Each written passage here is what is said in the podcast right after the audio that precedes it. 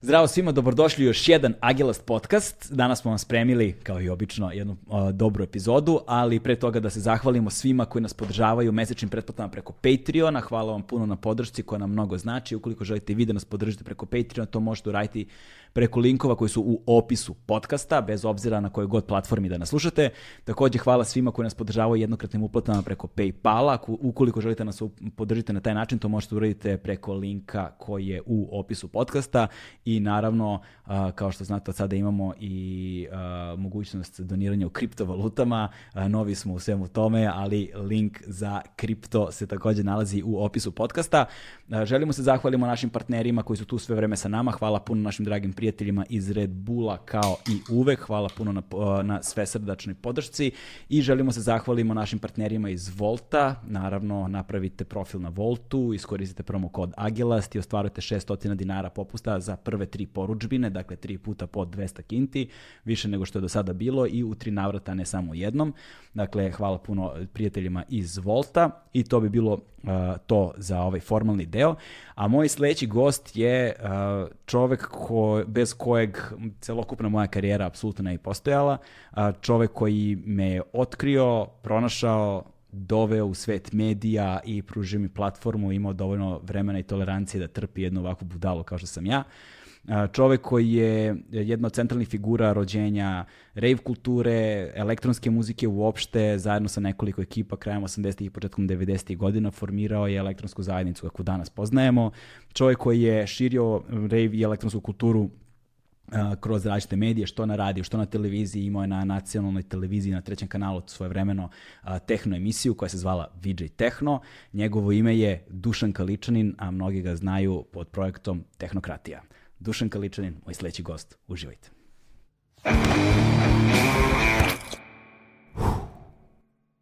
Hmm.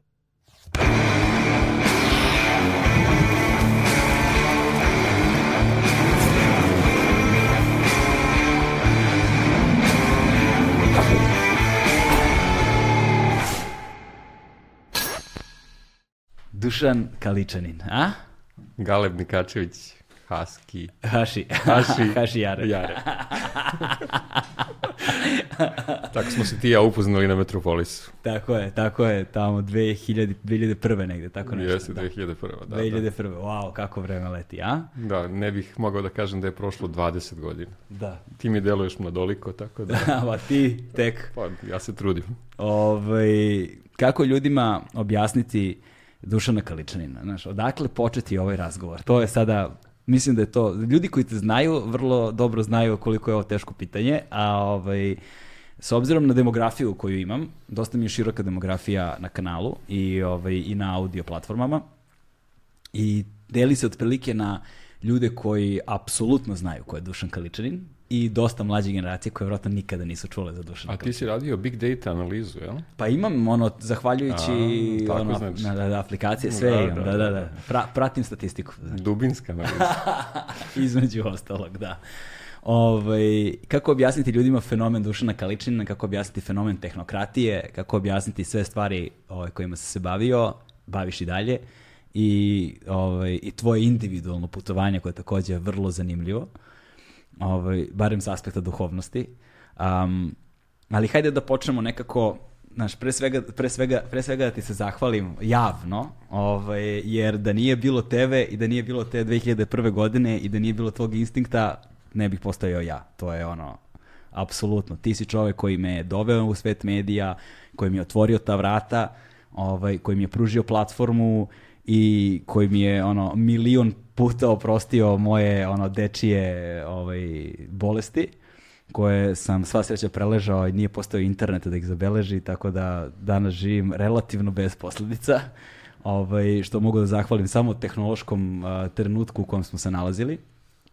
Ali pored toga um, si neko koji je ostavio dubog trag na klubskoj sceni, i koji je definitivno, bar što se tiče subkulture, underground kulture i svega onoga što je čak danas i mainstream, ne bi postalo danas kako jeste da nije bilo tebe kao jednog od aktera te tada male, ali dragocene scene. Ove, odakle da počnemo stvarno? Pa možda da počnemo od toga kad si ti bio mali. Da, Zato da. što kad god neko uh, počne da razgovara sa mnom o nekim danima ranijim, on kaže, pa kad sam bio mali, ja sam gledao neku emisiju na trećem kanalu, to je bila državna televizija, to je bio jedini kanal gde nije bila čisto samo politika i dokumentarni, ne znam, onako malo tradicionalni umetnički program, nego je bilo za mlade i kao gledao sam tu emisiju i onda prođe neki razgovor od desetak minuta i onda kažu, pa čekaj, koliko ti imaš godina? Ja sam tada bio osnovna škola. Pa ti mora da imaš puno godina. Jednostavno, ljudi se sećaju iz osnovne škole. Evo sad, ti se verovatno sećaš isto iz osnovne škole. Da. Ali- Ovaj, zna, ovaj znak Da, je ovaj znak. u svim sveskama bio crtan. Dakle, bukvalno, znači, ne, garantujem ti da u, u, u osnovnoj i u srednjoj školi, pored koga god da ste sedeli, samo otvoriš koricu i ovi znakovi su nacrtani tamo. Nije bilo greške. Čak i vi koji ste slušali hip-hop. Apsolutno, to je bilo ono na dosadnim časovima kad imaš kocku, svesku na kockice, šta crtaš? Crtaš znak tehnokratije, majke. Dobro, da. Znaš, Ovo, pa dobro, eto, možemo da počnemo odatle. Znači, evo je taj znak, recimo, dekodiranje tog znaka. I meni je, e, kad me neko pita odakle vam taj znak, znak je zapravo nastao kao neka vrsta stilizacije šare jednog ćilima sjeničkog, koji je bio kod mene u sobi, jer su ti sjenički ćilimi poput pirotskih ćilima, ali sjenički ipak imaju neku specijalnu e, notu, a ja sam rodom odatle, selo Štavalj, Pešterska Viserovan kod Sjenice. E, to mi je bilo u sobi i s druge strane ta šara je i na srednjevekovnim freskama, ikonama, nalazi se na odorama patrijarha, ima je dosta i na Kosovu i Metohiji u, u raznim ornamentima. Inače, to je ornament koji postoji u svim kulturama, ali kod nas postoji baš kao drevni i to je zapravo simbol krsta ali krsta koji ima taj, da kažem, prolaz. E, tako sam ja to crtao i kad smo trebali da napravimo tu organizaciju tehnokratija, to je bilo negde tamo krajem 80-ih, 90. mislim da smo to osnovali, nas desetak, onda nam je trebao znak. I razmišljali smo o tome kako da napravimo znak koji se nikad neće menjati. U smislu da ga uradimo kao logotip i znam da sam to crtao dosta dugo i da sam smanjivao te šari. Na kraju smo došli do ovog oblika koji ima zapravo 7 puta 7 belih kockica, pa u njih je ubačen ovaj deo a, znaka. I znam kad smo ga pustili prvi put na televiziji da se svima činio kao da je poznat, kao da ga svi znaju. I bio je lag za crtanje i onda je vama verovatno bio jednostavan, tako da tako je nastao znak tehnokratije. A stavili smo ga prvi put na treći kanal kao znak emisije VJ Techno i posle smo ga koristili i za Supernovu i za sve druge emisije i sve što smo radili ostalo je pod tim znakom. Interesantno je da smo tokom narednih godina imali i dosta ponuda da prodamo taj znak. Imali Zaista. smo neke strane tehnološke kompanije koje su htjele da kupe znak, jer je njima se činio da je dobar recimo da se stavi na frižider ili na televizor. ne znam da li bi preuzeli ime tehnokratije ili ne, ali odbili smo, zato što je, ipak to je neka vrsta umetničkog projekta i to je nešto što je obeležilo i naše detinjstvo i mladost, a verovatno i vaše detinjstvo i Da, da, mladost. između ostalog, između ostalog, da. To je bilo vreme kada se elektronska muzika tek ono pomaljala i kada su baš samo ono negde progresivni pojedinci koji su bili znatiželjni, koji su tražili nove muzičke izraze i izazove, dolazili do novog zvuka. Nije vas bilo puno tada, to je bilo pre nego što je nastao klub, kultni klub Industrija, ovaj, ali bilo je nekoliko oaza gde je ta muzika mogla se čuje, između oslog radio B92, tu, je, tu su bili legendari naravno bez Gordana Paunovića, bez, bez Bože Podunavca i ekipe ne možemo da govorimo. S druge strane su bili ili U radio ili koje, gde su već bili Mark V, DJI i ekipa. Ovaj, tu su bile te žurke koje je organizovao Lale, Happy People i tako dalje. Lale bio između ostalog gost ovde. Odlično. I, I na trećoj strani, ono, četvrtoj strani ste bili vi. Ovaj, kako ste izgledali ti sami počeci zapravo rođenje elektronske muzike uh, na ovim prostorima? Znaš, ali pre toga bih volio da nekako daš i sliku duha vremena, znaš, da ljudi razumeju koliko je to bilo nešto radikalno novo i drugačije u odnosu na tadašnji trenutak. Pa evo, možda da nastavim priču o znaku, jer iz, to, iz znaka je to proisteklo. E, mi koji smo osnovali tehnokratiju 90. godine, dosta nas su zapravo elektroinženjeri budući ili tadašnji programeri. I nama je tehnologija bila alatka. Mi nismo slavili tehnologiju kao e, cilj, nego je to bio način kako možeš da se izraziš kreativno. Tako da smo i postavili to geslo organizacije tehnokratije kao upotreba vrhunske tehnologije u kreativne svrhe.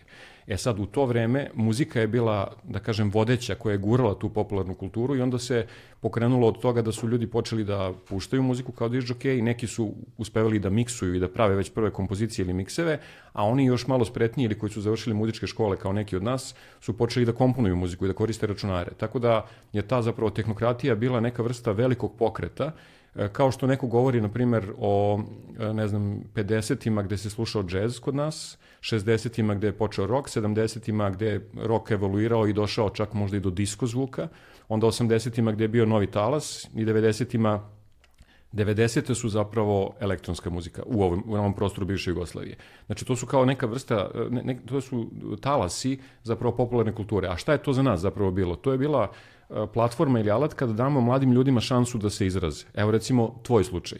Uh, ako smem da ispričam, Smem, smem da ispričam, smem da ispričam.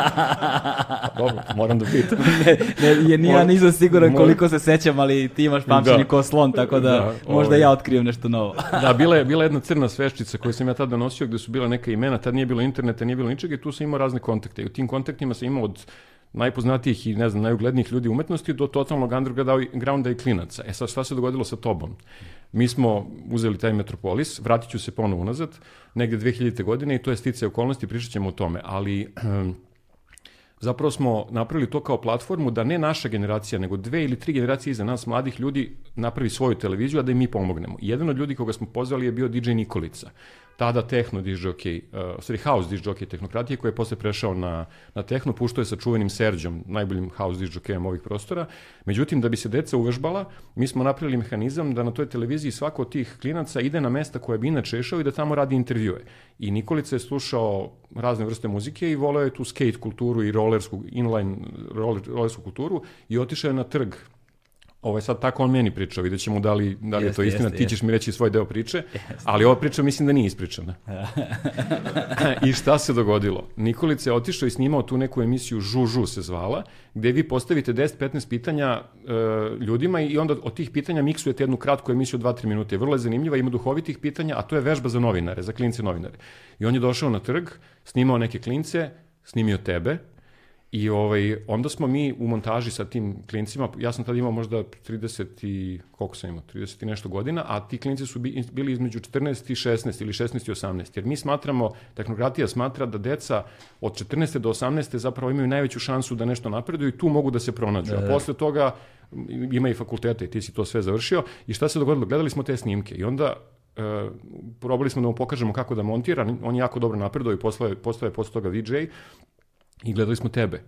Odjedan put pričaju ljudi i pojavljuje se jedan dečko koji izgleda vrlo interesantno, onako ima stav, malo oštri, to je tačno, ali govorna kultura na izuzetno visokom nivou. I onda opet gledamo snimak i uopšte nije u skladu godine i govorna kultura. I ja sam vidio da tu nešto, da ima, da ima nekog potencijala u smislu da to je tebi vjerojatno iz porodice, od tate i mame, Da. Profesora i tako to. I ovaj, tra, rekao sam Nikolici, sad Nikolica završio si to, ajde izmontira emisiju, a te emisije još uvijek nismo puštali, a tvoje smo namjerno isklonili, da, niko te ne bi video pre nego što se budeš stvarno pojavio na televiziji. Toliko smo pazili na Metropolisu i dobio je Nikolica zadatak da te nađe. E, to je bio mnogo teži zadatak. Jednom te je našao na tom trgu ispred konja gde su se kupili skateri, ali posle toga nije mogao da te nađe. Pa te je tražio preko ljudi ovih onih i po onome što je on meni ispričao, našao te i trebao je da ti prenese moju poruku da te pozove, da pričamo i da možda radiš na televiziji. I koliko sam ja shvatio, ti nisi baš shvatio njega ozbiljno, mislio si da je to neka provokacija, nisi hteo da dođeš i mi smo tebe zapravo jurili nekoliko meseci da ti dođeš na televiziju. I na kraju te je neko ubedio i rekao, ma ne, to ti stvarno dušan, kaže, dođi. Šorti, I ti si, do, šorti ti je rekao, da. da, evo, Boris Borisogljepski, čuveni šorti, Pozdrav za šortije. Pozdrav za Šortija i za Marka Gucunskog i za Đusa, to je full moon ekipa tadašnja i rana ekipa i ti si došao na razgovor. E sad, da se vratimo zašto je to važno. Kad si došao na razgovor, imao si stav i ono što je važno bilo i nama kad smo radili u tehnokratiji, nama nije bio cilj da mi tebe dovedemo i sad da tebe lomimo nešto, nego da vidimo šta je tebi najveća energija, šta tebe najviše zanima i ti si jasno rekao da te zanima hip-hop kultura. Dakle. I da u tu hoćeš da napreduješ, ali da hoćeš i ostalo da učiš.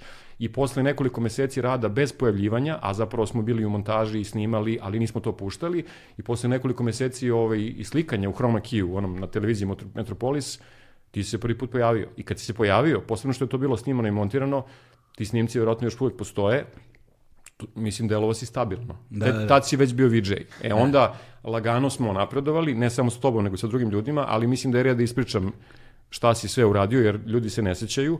E, prvo si bio e, kao saradnik koji je učio to i to je bilo nekoliko meseci. Snimao si sve te emisije, sve si to prošao i videlo se da možeš da budeš VJ i da možeš da stojiš i stavom pokažeš i predstaviš e, ono u što veruješ. Međutim, VJ-evi postoje na nekoliko nivoa i to je recimo i tema ove emisije, jer ovo nije VJ-ing, ovo je podcast, ali ima veze i sa time.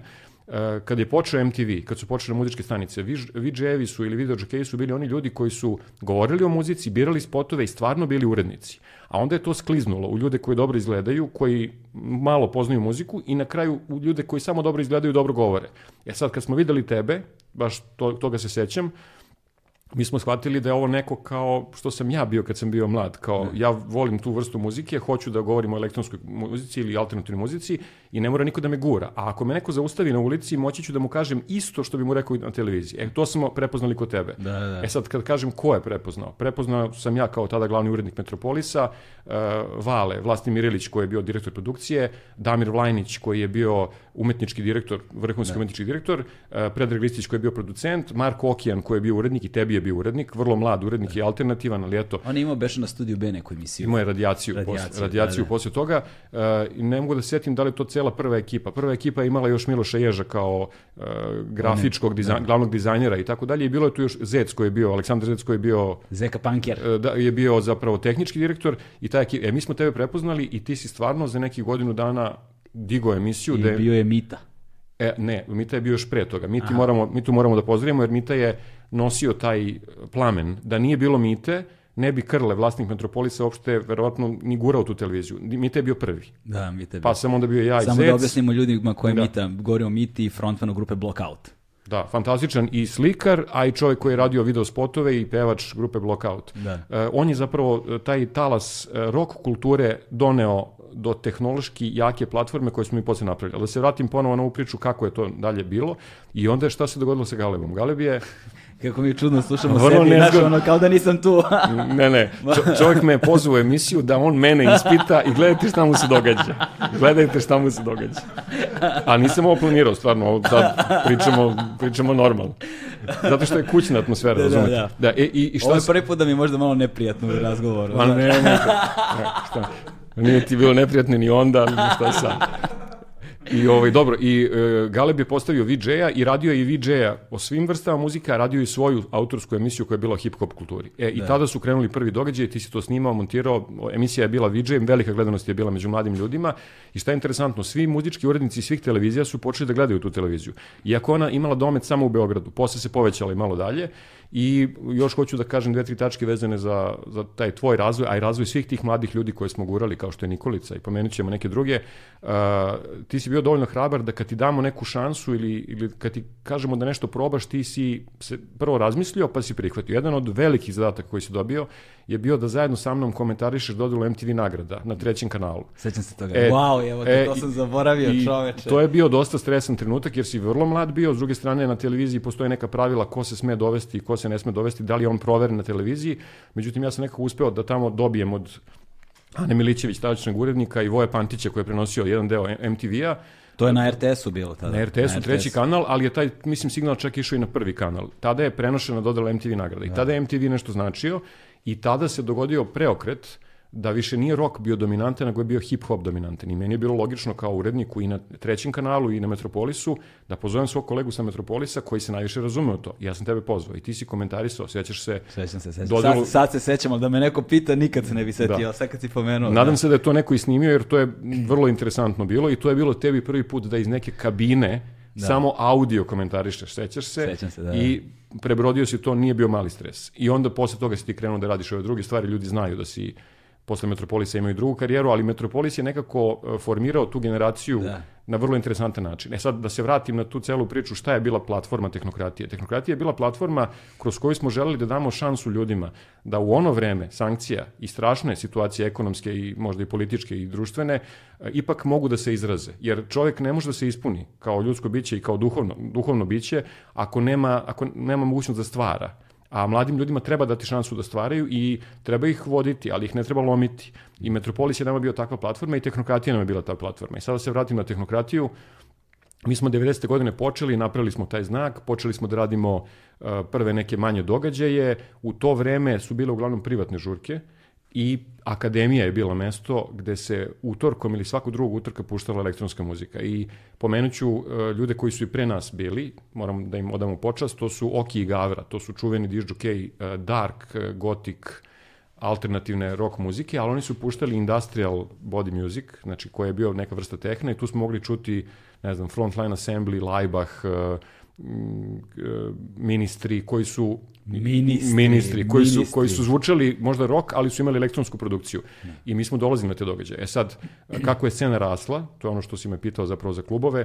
Akademija je bila prvi klub koji je puštao elektronsku muziku, mnogo pre industrije, mnogo pre buhe, mnogo pre svih tih klubova. Da, Međutim, bili su Buha, bio je... E, bila- bila je- Ne Soul Food, Soul Food. e, nije se zvao tad Soul Food, da li se zvao Soul Food? Ne, možda, možda i jeste. Možda jeste. Da. Da, ali u svakom slučaju e, tako je krenulo.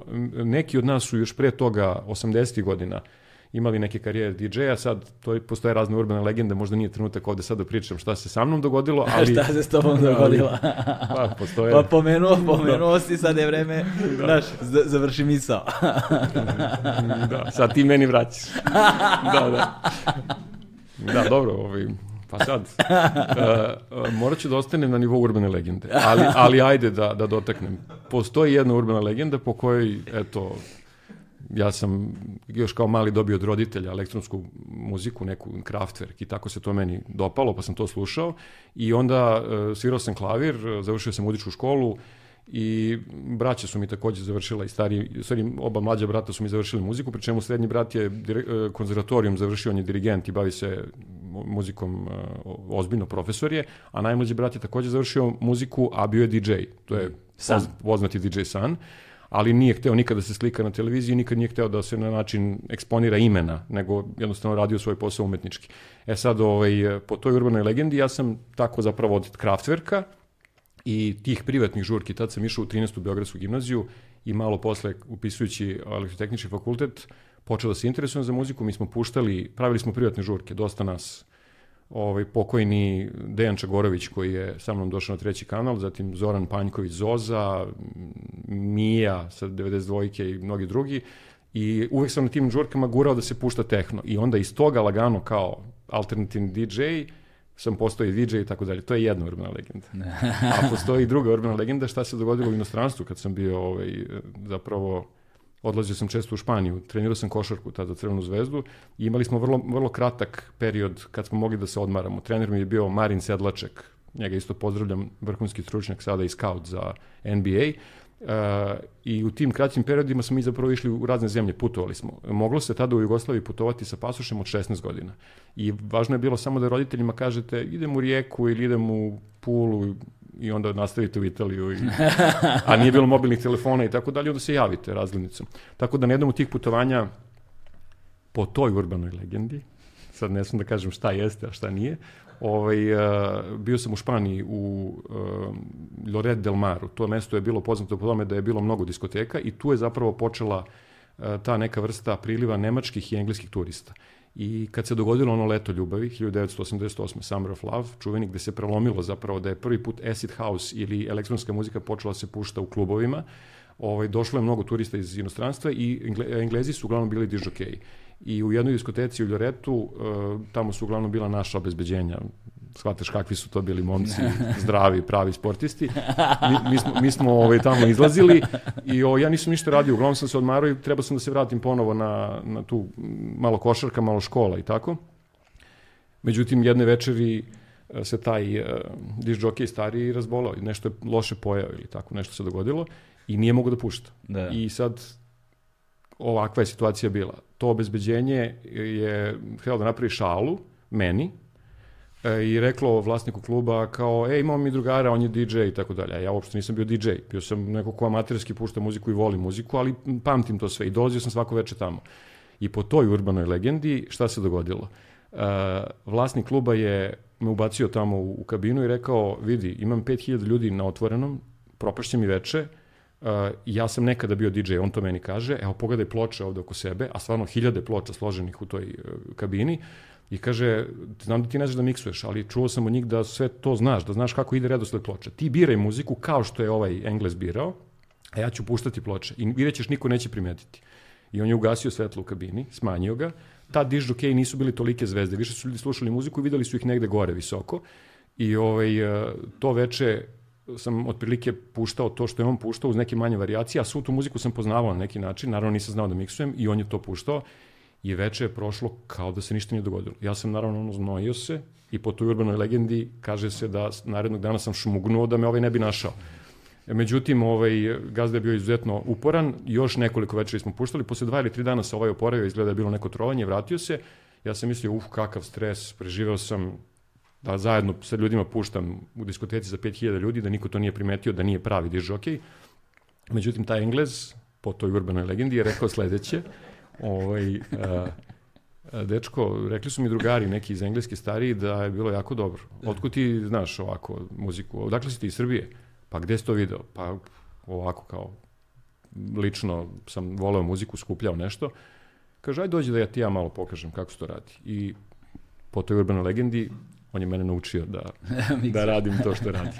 E sad, naravno, karijera, ne, kod nekog je karijera išla u smeru DJ-inga, kod nekog je išla u smeru VJ-inga, meni se više dopao VJ-ing, iskreno, zato što uh, da biste bili DJ u to vreme, to je početak 80-ih, tad su počinjali, i ne znam, i Garnier i Karl Cox, mislim, mi se svi znamo iz tog vremena, ali sa nekih događaja, posle smo se viđali ponovo kad su oni dolazili, uh, vi zapravo ste morali mnogo da se žrtvujete i morali ste da ostavite sve. Ja tad nisam bio spreman da se toliko žrtvujem i povećavao se broj dižđokeja i jednostavno samo se leti odlazilo i puštala muzika letnjim klubovima i zimi u zimskim. Tako me da, da me više zainteresovao taj posao VJ-a, a šta je bio VJ? VJ je bio zapravo po meni čovek koji daje uh, vizualnu eksplikaciju onoga što umetnik pušta kao. Diš jockey je tada od puštača muzike postao zapravo dirigent. On je zapravo dirigovao virtualnim orkestrom gde je uzimao kompozicije jedne, dve ili tri e, ploče ili data ili e, ovaj kasete i od njih stvarao novu ploču, novu muziku. E, a video je falio i tako smo mi počeli da radimo prvo, bio sam jedan od prvih VJ-eva zapravo u Evropi, sticajem okolnosti, možda nas je pet bilo. E, mi smo počeli da radimo, e, stavljali smo projektore i platna postavljali u, u klubovima i puštali e, nešto što je bila zapravo video eks, video eksperiment. Nekad smo snimali publiku, nekad ljude koji igraju ili igračice, nekad smo radili video eksperimente, tada nije bilo kompjutera. Teško je bilo ubaciti kompjuter u sam sistem i koristili smo vrlo skupu tehniku koja je televizijska, tako da su samo najveći klubovi to mogli da plate. Međutim, uh, VJ je i onaj koji uh, režira i pravi taj video zapis i koji ga uživo miksuje, ali VJ je ono što si bio ti, video jockey koji bira muziku. Tako da taj VJ je zapravo neka vrsta vrlo interesantne umetničke platforme, pa čak i videografer je VJ. Videografer je onaj koji ide po gradu kao Zuba kralj Beograda, na primjer koga takođe pozdravljamo, ozbiljan underground lik, koji je ovekovečio svojim fotoaparatom i kamerom duh vremena i samo je pitanje kad ćeš ga ti pozvati u emisiju da. ili kad će mu napraviti nešto da se može vidjeti to što je radio. Tako da taj konglomerat uh, videa koji, koji prati muziku i obogaćuje ili daje podlogu, a onda se postavlja muzika, meni se najviše dopao. Bio mi je zanimljiv i sa drugog aspekta, zato što sam ja bio programer i završio sam 13. Beogradsku baš programer, bavio sam se matematikom, sedam vrsta programiranja, sedam vrsta matematike, fantastično, zanimljivo, lepo, i posle elektrotehnika. I onda ti si, ti si mogao da uzmeš tehnologiju i da od tehnologije probaš da praviš umetničko delo. To što smo radili u videu, bili su u početku video miksevi, zatim video spotovi, radio sam video spotovi za strani izvođači, dosta ih se emitovalo i na MTV-u i na Vivi i na MCM-u i onda kroz to zapravo sam se ponovo vratio ovde i postoji taj jedan događaj koji isto je urbana legenda, ali ok, moram da ispričam, kako smo mi napravili emisiju na trećem kanalu. E, da, to sam teo da te pitam, ali pre toga sam samo teo prokomentarišem. Znači, Zuba, kralj Beograda, ja ne znam, ovo je toliko uska priča, za, za stariju ekipu iz Beograda će verovatno biti ono, ej... Je, je ali objasni, objasni. Zuba je za veliku većinu njih ostao misterija, u suštini, zato što je imao, on je prvi, ja mislim, koji je ono bombardovao grafit, ono što danas zovemo stencilima. Tako je. Imao je kao Zuba je kralj Beograda. I a ko je kraljica? Svuda, pa posle toga, jedno godinu, dve kasnije je bilo, a Zuba je kralj Beograda, a ko je njegova kraljica, ali tako nešto tako je bilo. Je bilo da. I nikada fazon nismo otkrili. Ove, ovaj, I on je, ja sam Zubu upoznao isto nekim popuno sumanutim spletom okolnosti, ima tih nekoliko gradskih likova koji su ono bili to, naš, naš živi spomenici grada. Zuba je bio, Čiki, Čiki, Čiki. Čiki čuveni teoretičar popularne kulture. Da. Znači dubinski teoretičar, često smo ga zvali na televiziju i ljudi su bili uglavnom šokirani onim što on priča, a on zapravo u suštini osjeća to. Da i dokumentarista i da i onda da. su oni oni su uvek imali neke nenormalne snimke i znam da smo se sretali posle na ranom Metropolisu i montažama, jer njima je bio potrebno mesto da će prebacuju materijal, nismo imali kod kuće da prebacuju i onda su dolazili sa time što su snimali. Tu šta sam sve video na tim snimcima, to, to naš, ne, ne, nije za komentarisanje. Ali, ovaj, i, i pored toga si pomenuo kao Vivu i MSM, ono, Vivu će možda neko i da, ono, se seti Viva, Viva, Cva i to nemačih kanala, bili su dosta, ali MSM, francuska muzička televizija, ono, gde si se toga setio? Ali dobro, ti, ti si taj koji pamti, da.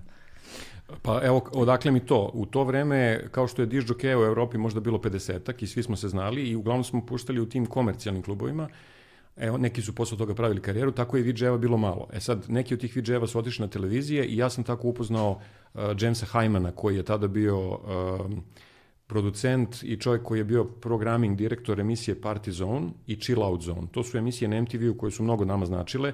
Party Zone je išao, uh, čini mi se, četvrtkom uveče od ponoći i tu ste mogli videti klubsku plesnu muziku i tu se zapravo probilo sve ovo što sada znamo kao elektronsku muziku, od Prodigy, 808 State-a, i tog prvog rejva, pa, da, pa do posle KLF. toga KLF-a, Future Sound of London, Orbital, Orb, eh, da. taj zvuk, ali on je imao jednu emisiju koja je bila remek delo, koja je išla uh, subotom od, tri, od pola tri do pola pet ujutru. Pazite termin niko to ne bi gledao. Međutim, cela Srbija je to gledala. Jer je on puštao ambijentalnu muziku koja je služila da kad se vratite sa događaja, jer tad su događaje izrašavali možda u 2-3, onda se vi lagano kod kuće spuštate i gledate divnu muziku. Tu je bilo razne muzike, i instrumentalne, i elektronske, ali sporog tempa, vrlo prijatni spotovi.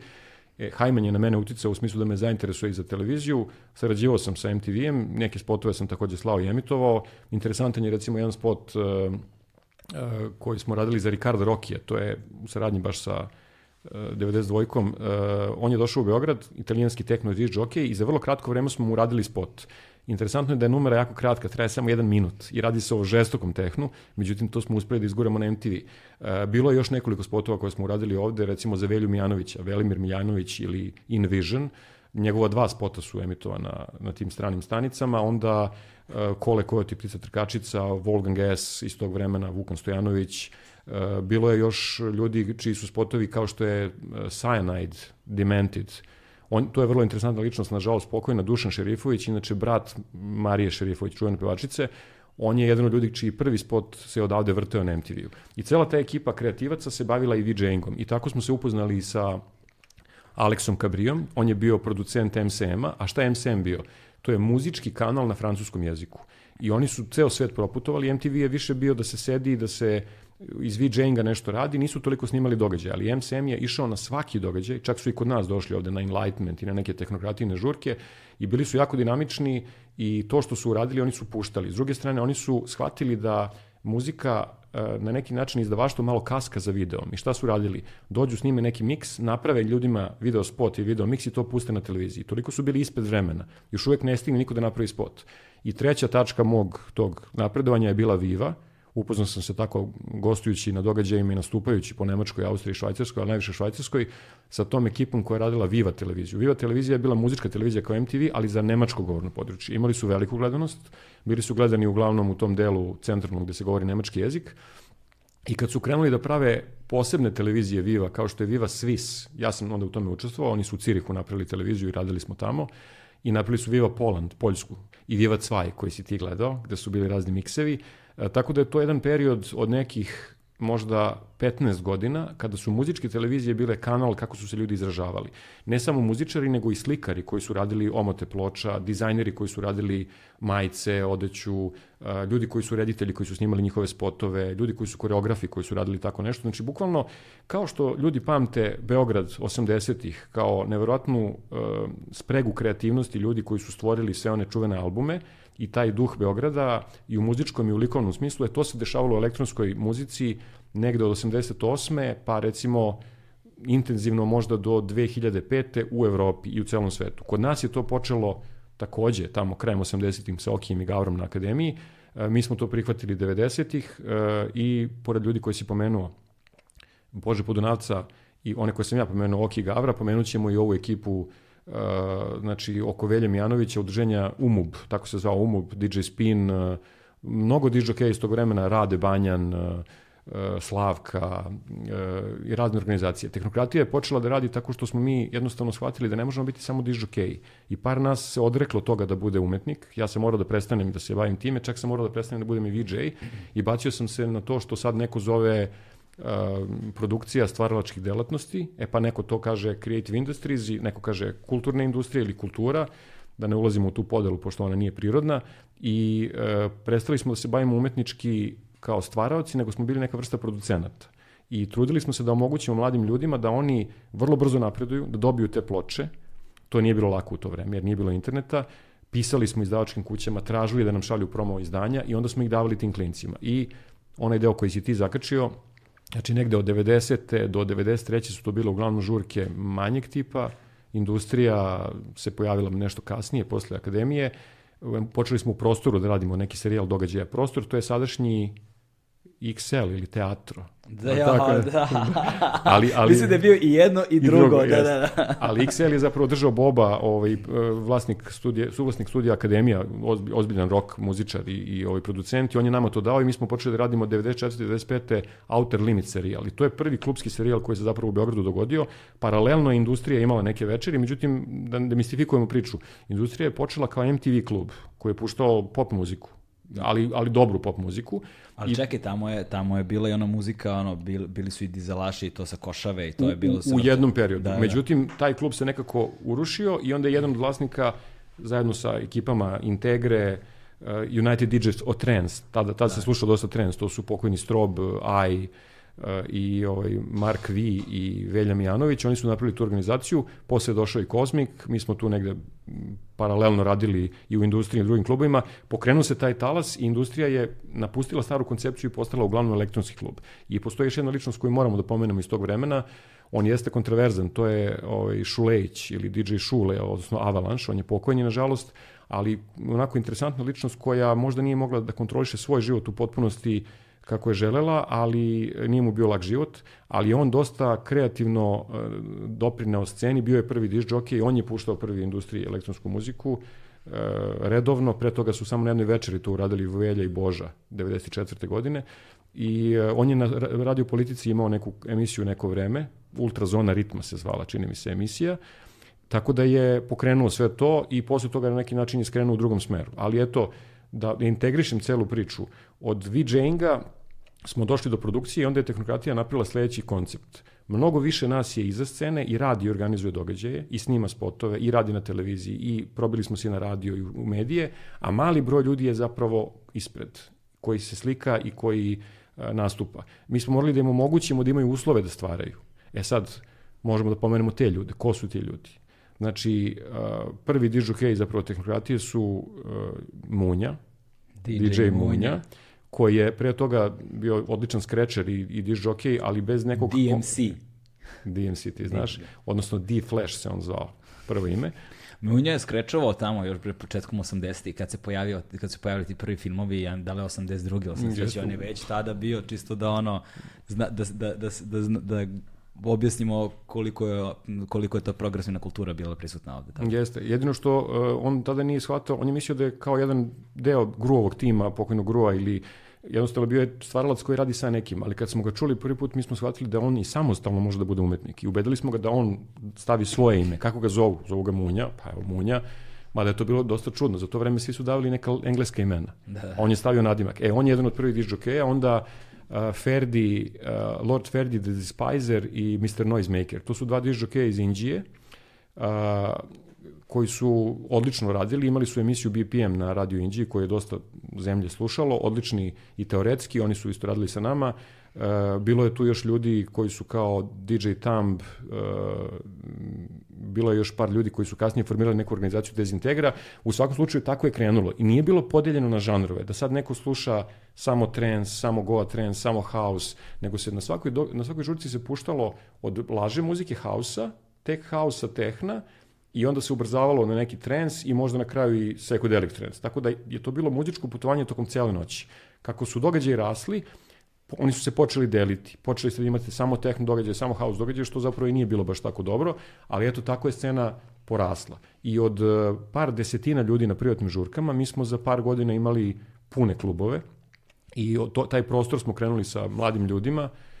Tada je radio DJ Nick, ako se sećaš, ovaj što radi ide zmija, mama voli bebu, znači neverovatno da, da, kreativni da, ljudi i vidjet ćete koliko ljudi iz tehnokratije se napravilo ozbiljne karijere u drugim formama umetnosti.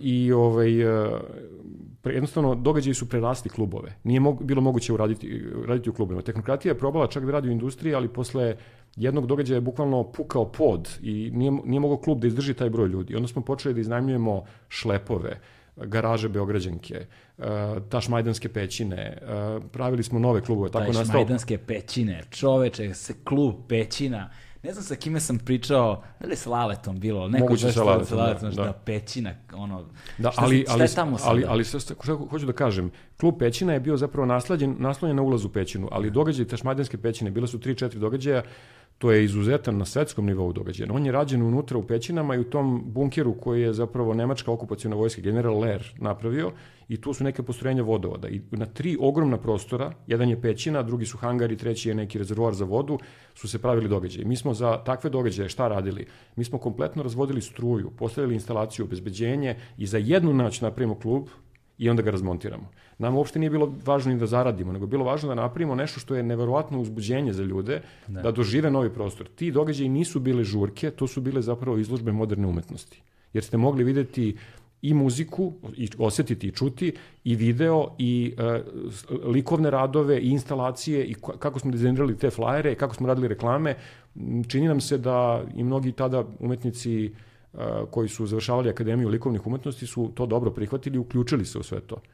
I ima slučajeva, ne znam, Biljana Biba Vicković, koja je selektor, recimo, Oktopus Bienala, isto multimedijni umetnik, onda Tanja Ostojić. Mnogi su čak magistrirali ili doktorirali na tim događajima i tu su izveli svoje radove prvi put.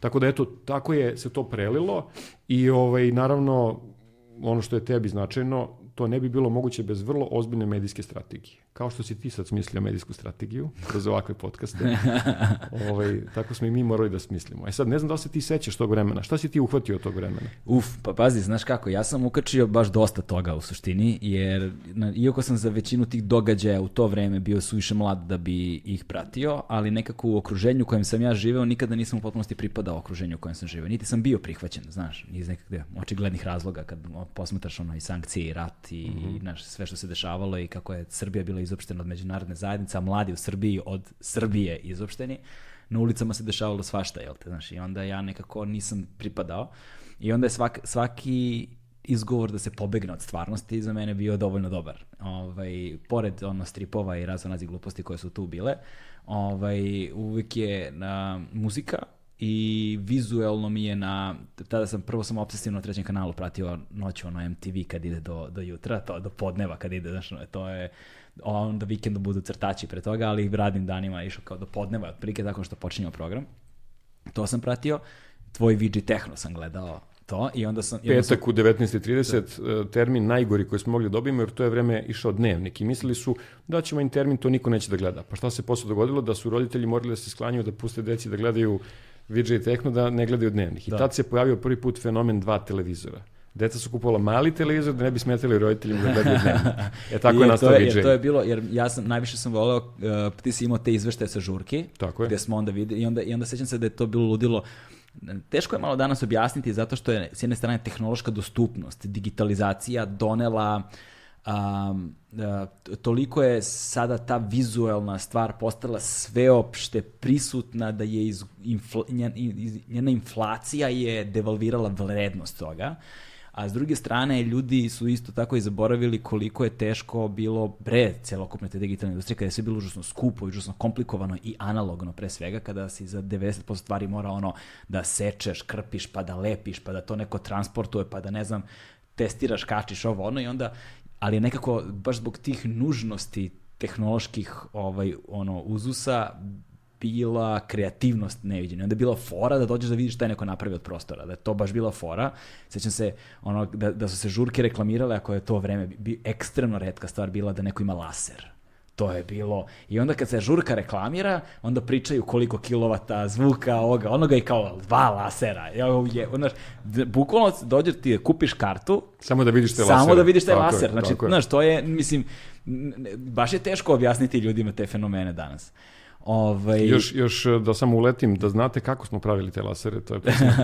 Tada je Tehnokratija zapravo imala jednog partnera, to je firma DJ House, odnosno to je umetnička grupa koja se bavila upotrebom vrhunskih tehnologija, oni su i osnivači i oni su tada uzimali vojne lasere i prepravljali ih. Međutim, vi imate laser i sad laser ima suviše jak snop, ne može da ide u ljude, mora da ide gore, jer ako pogodi kameru razvali je, a i ako bi pogodio ljude, bilo bi problema. I onda je ta ekipa napravila sa tehnokratijom kontrolere koji su zapravo crtali stvari u 3D-u i 2D-u, a to su bile zapravo mali elektromotori sa malim ogledalima i to smo mi pravili. Da. I onda imate događaj gde mi donesemo, ispravamo to i nacrtamo znak tehnokratije ili nešto drugo i ljudi to gledaju.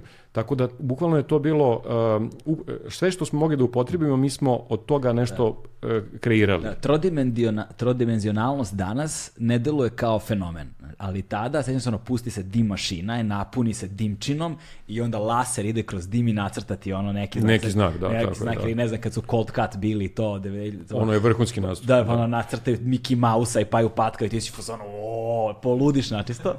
Ove, ali, ali da, ali smo gledali, gledali smo to kao te izveštaje sa žurke i gledali smo uh, izveštaje uh, sa ono uh, uh, kako se to Love kaže? Parade. Love Parade, Jeste, tako je, jeste, da. Berlin, i, Da. Berlin i Cirih. Da, to, tako je. Berlin Cirih, to je bilo uvek. Znači, gledao si emisiju, bio si redovan. Imaš plus. Između ostalog, da. E, vidiš, mene, mene to sad malo iznenađuje. Mi smo imali, tad nisu postojali people metri to, nije se tako gledalo. Jednostavno, merilo gledanosti nije samo kolika je gledanost, nego kakav impakt neko ima. E sad, u nekim analizama koje je radila sama televizija Srbije, e, znam i po, prema ponašanju kolega, ja sam imao dobru podršku na trećem kanalu, ali ipak to bilo gledano kao malo jača alternativa. I čudili su se kako to smem da puštam u dnevnom terminu, razumete? E sad, dobio sam i neki kasniji termin, emisija se zvala Supernova. Izvini, izvini da. sekund, samo što te prekidam. Da. Da, ljudima objasnimo. O, te, te snimke koje smo gledali, to je bilo pre nego što je postajao Techno Viking. Da se ko Pre zna, toga, jest, pre, tako je, pre pre toga. fenomena, znači Tako pre je, pre- fenomena Techno Vikinga, ono, znaš, to su bili snimci bre koji su se masovno gledali, ono. Pa to neko nasnimi, pa se okupimo kod nekoga, pa gledamo svi na kaseti, znaš, to je. Tako je, tako je. Ovaj, e e sad, šta, šta hoću da kažem, kako smo došli do toga? E, jesu bile sankcije, ali bilo je načina da se komunicira. Zapravo, tehnokratija uspostavila mrežu predstavništava u celoj Evropi i mi smo sa takvim istim ljudima, umetnicima iz Austrije, Švajcarske, Engleske, razmenjivali ploče, nastupe i oni su nam omogućili da mi možemo da putujemo. I tako u ono najgore vreme, zapravo, ja sam znao koja mi je dužnost, da otputujem u inostranstvo, da snimim nešto najbolje što mogu, to sam sve sam snimao, nije bilo ekipe televizijske, znači ja ponesem kameru, ja snimam, ja sam sebe snimam, što je kao preteča, ne znam, Selfija. nije selfija možda nego VJ-inga nekog. Društvenih mreža. Da, ili videografera nekog. I u svakom slučaju znam da kad smo to puštali, da je stvarno bila jako velika gledanost. Dobili smo neko istraživanje gde je to bila a, najgledanija muzička emisija a, posle Zama, a Zam je zabrava miliona, to je sadašnji recimo Grand. I to je zapravo bila druga najgledanija emisija na RTS-u, zabavna. I to, on, onda se kompletno i e, raspoloženje na trećem kanalu promenilo, ljudi su bili malo u šoku, odjednom počinju da vas zovu svi za karte, a znate, komunicirate preko telefona 600842, telefon treći kanal. I završi se emisija, ja sedim pored tog telefona, javljam se i odgovaram na različita pitanja. 600842. Tako da, e, to je bilo. Sjećaš se, možda si zvao.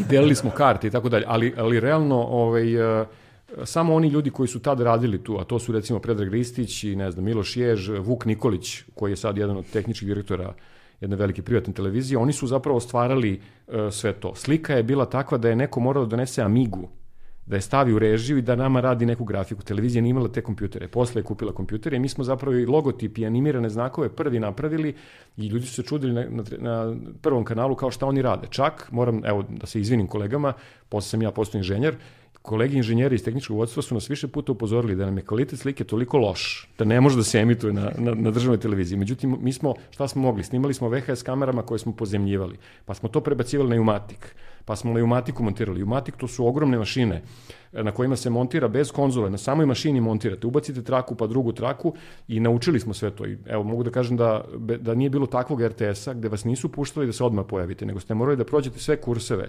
dikcije, novinarski kurs, montažerski kurs, rediteljski kurs, mi ne bi mogli to da uradimo. I, I to je stvarno bilo dobro što su nas pustili da, da, da kažem, prvo da se odškolujemo pa da onda nešto radimo. I te emisije su bile interesantne zato što vi recimo cele nedelje živite za tu emisiju. Evo sad, ti si mi ispričao svoju sliku. Znači ti čekaš petak da bi pogledao tu emisiju, da bi video žurki i da bi Bilo je, video... mislim, bilo je nekoliko emisija koje sam ja ono čekao, znaš. Znaš, Kaži mi ne- koje. reci, Evo recimo, ajde da, da, da se Da. sad malo setimo tog Da se setimo tog vremena. vremena, da. Dakle, ne smemo da podcenimo ovaj, Art TV, Tako je, oni su jedno vreme imali totalno alternativan program. Znači, takav Oni noćni programi gde se znači puša šok, alternativan... šok koridor, I to, da. šok koridor na Artu, Onda a, Arte je imao nenormalne filmove u šest posle podne su im Izbor vrhunski umetnički filmova. Znači, to je jeste. strašno. Tamo sam gledao prvi put ono Zmiju Pliskina, Snake Pliskin, Bekstvo iz LA-a i takve filmove.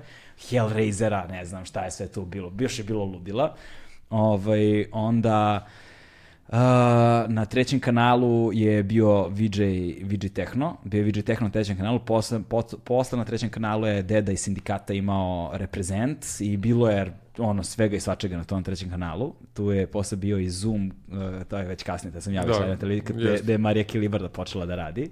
Ovaj, bit produkcija veš, ali tako? Da, vidim, da, bio sam urednik te emisije, lepo smo sarađivali, Ovaj, stvarno talentovani ljudi. A, bilo je to, bilo je, da se setim sada, šta se još pratilo tada na, na televiziji. Dosta se radio slušao, Radio to, ne- to slušao. ne smemo da Jesi slušao našu emisiju Fraktal Techno Frak, magazin? da, to je na politici bilo. Na politici, da, ali četvrtkom noću, da. Da, ali politika je bila ludila, na politici je bila i emisija Geto, koju je Tako je, Đankić Đankić, radio, on je pre da. nas imao, baš on završi getom i onda radimo Fraktal. Da, da, da, tako da ono pratilo se, ovaj baš se baš se pratilo i ono što je danas možda teško zamislivo ljudima, snimale su se emisije da bi imao jer je jedini tri načina su bilo da čuješ novu muziku.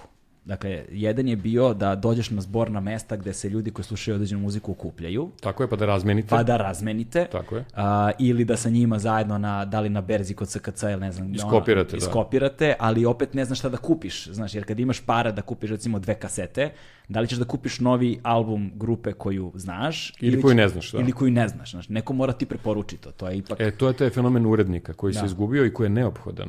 I čak i na internetu. Tako, da. Bez urednika nema ništa. Nema. E, to Neko mora ti sećaš pruži se na. Metropolisu, I, da. I onda su bile dva mesta da si mogao čuješ novu muziku koju bi posle kupio. To su bile radio stanice. Tako znači je. morao si da sačekaš emisiju, da je snimiš i da saznaš, da čekaš da kaže nešto voditelj ko je ovo pesme, šta, se, šta sam čuo. Nije bilo šazema.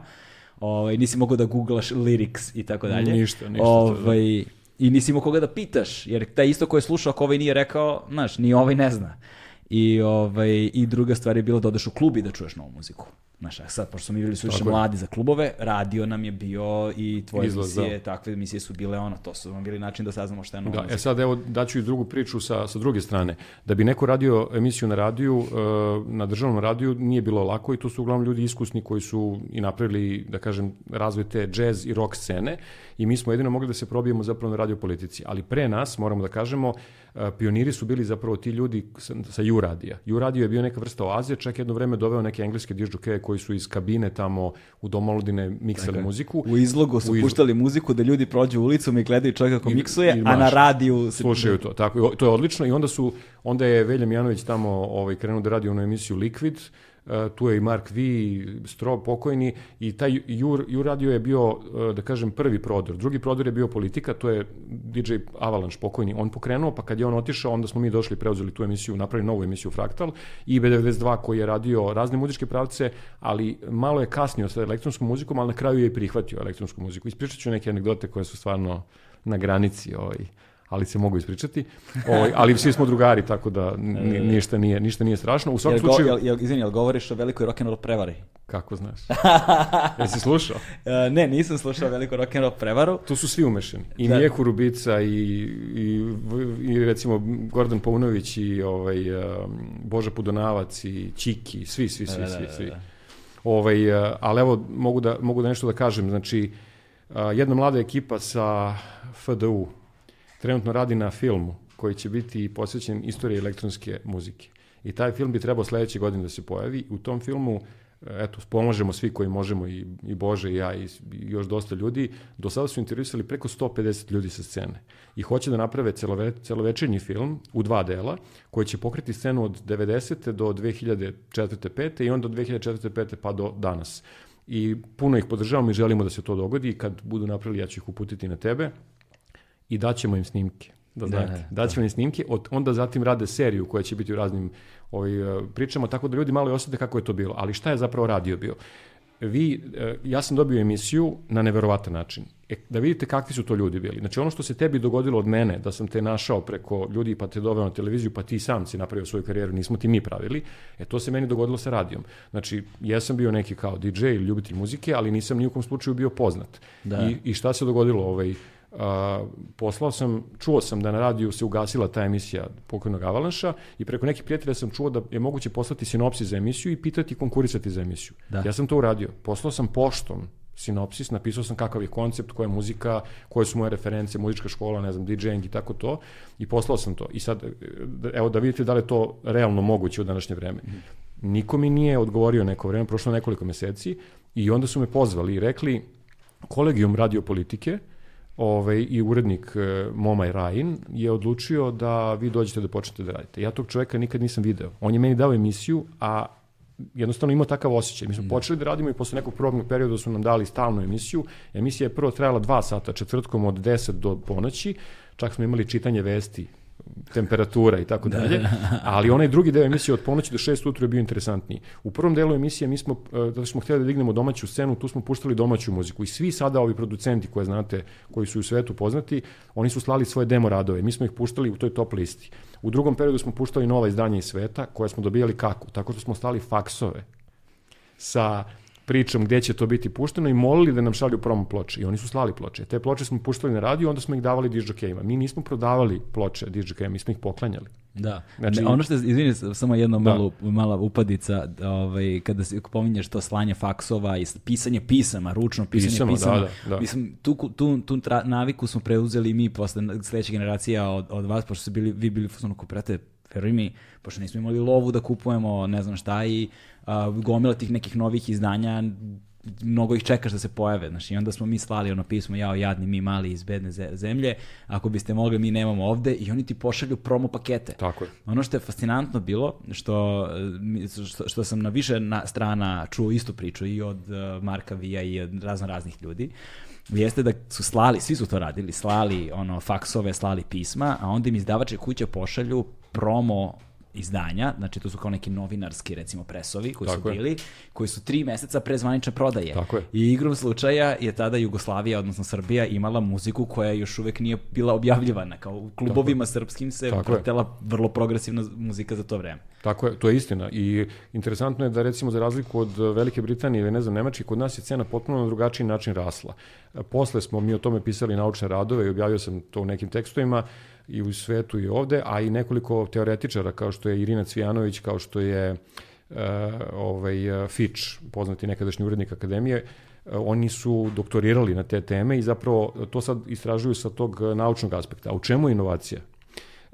U svetu je underground kultura nastajala na sledeći način. Neki mladi ljudi u nekom besu ili želji da se kreativno izraže, izraze, počinju da upotrebljavaju neku tehnologiju i rade nešto, prave muziku, sviraju električne gitare ako je to bio rock ili ne znam, programiraju kompjutere ako je to bio elektronska muzika. Prave prvo privatne zabave, pa se tu skuplja veći broj ljudi. Pa onda ti događaji bivaju neki ilegalni, veliki, dolazi dosta ljudi, neki ilegalni, e onda na neki od tih događaja zalute neki muzički novinar. I onda on nešto napiše u nekim novinama i taj neki tekstić bude fenomenalan posticaj i malo ljudi prate muzičke časopise i ti događaji napreduju, dele se flajeri, pozivnici za događaje, lepe se plakati, telefonom se čuju ljudi, oni koji su bili iskusni, oni su pravili baze podataka, adresa i slali na kuću pozivnice, tako je to bilo u Evropi, i vi nekako dođete do toga da vas neko objavljuje u štampi i kao postanete neko ime. E onda se zainteresuje neko sa radija, pa vas pozove da gostujete, da malo pustite neku ploču i onda to tako raste i vi onda postajete poznati i malo na radiju. A onda neki radio vam dozvoli da imate neku emisiju i to je neki domet koji je bio dostignut na zapadu. Nisu došli dalje. A sad pazite šta je bilo kod nas. Posle 10-15 godina došli su oni do, te, do TV, ali nikada nisu došli do uh, emisije posvećene elektronskoj muzici na državnoj televiziji. To je jedino bio Virgin Techno i nikad se više to nije dogodilo. A zašto se dogodilo? Jer ovde je bila takva klima. I mi smo napravili drugačiju strategiju. Pošto je dosta nas bilo u inostranstvu, radili smo te događaje u Švajcarskoj, Austriji, Nemačkoj, mi smo smislili sledeću taktiku. Uh, zemlja je u tako nestabilnom stanju da je moguće ući probiti se u mediji. I hajde da mi uzmemo mediji, jedan, pričajući priču da ćemo biti voditelji, da ćemo biti nešto. Čekaj, ali samo se, da. za, znaš, sve vreme nekako mi odjekuje današnja situacija. Znaš, nekako... E, to sad ti kažeš, ali klinci imaju istu tu šansu sada. Da. Ako hoće. Ali bukvalno je takav moment. Može sad nešto da nastane.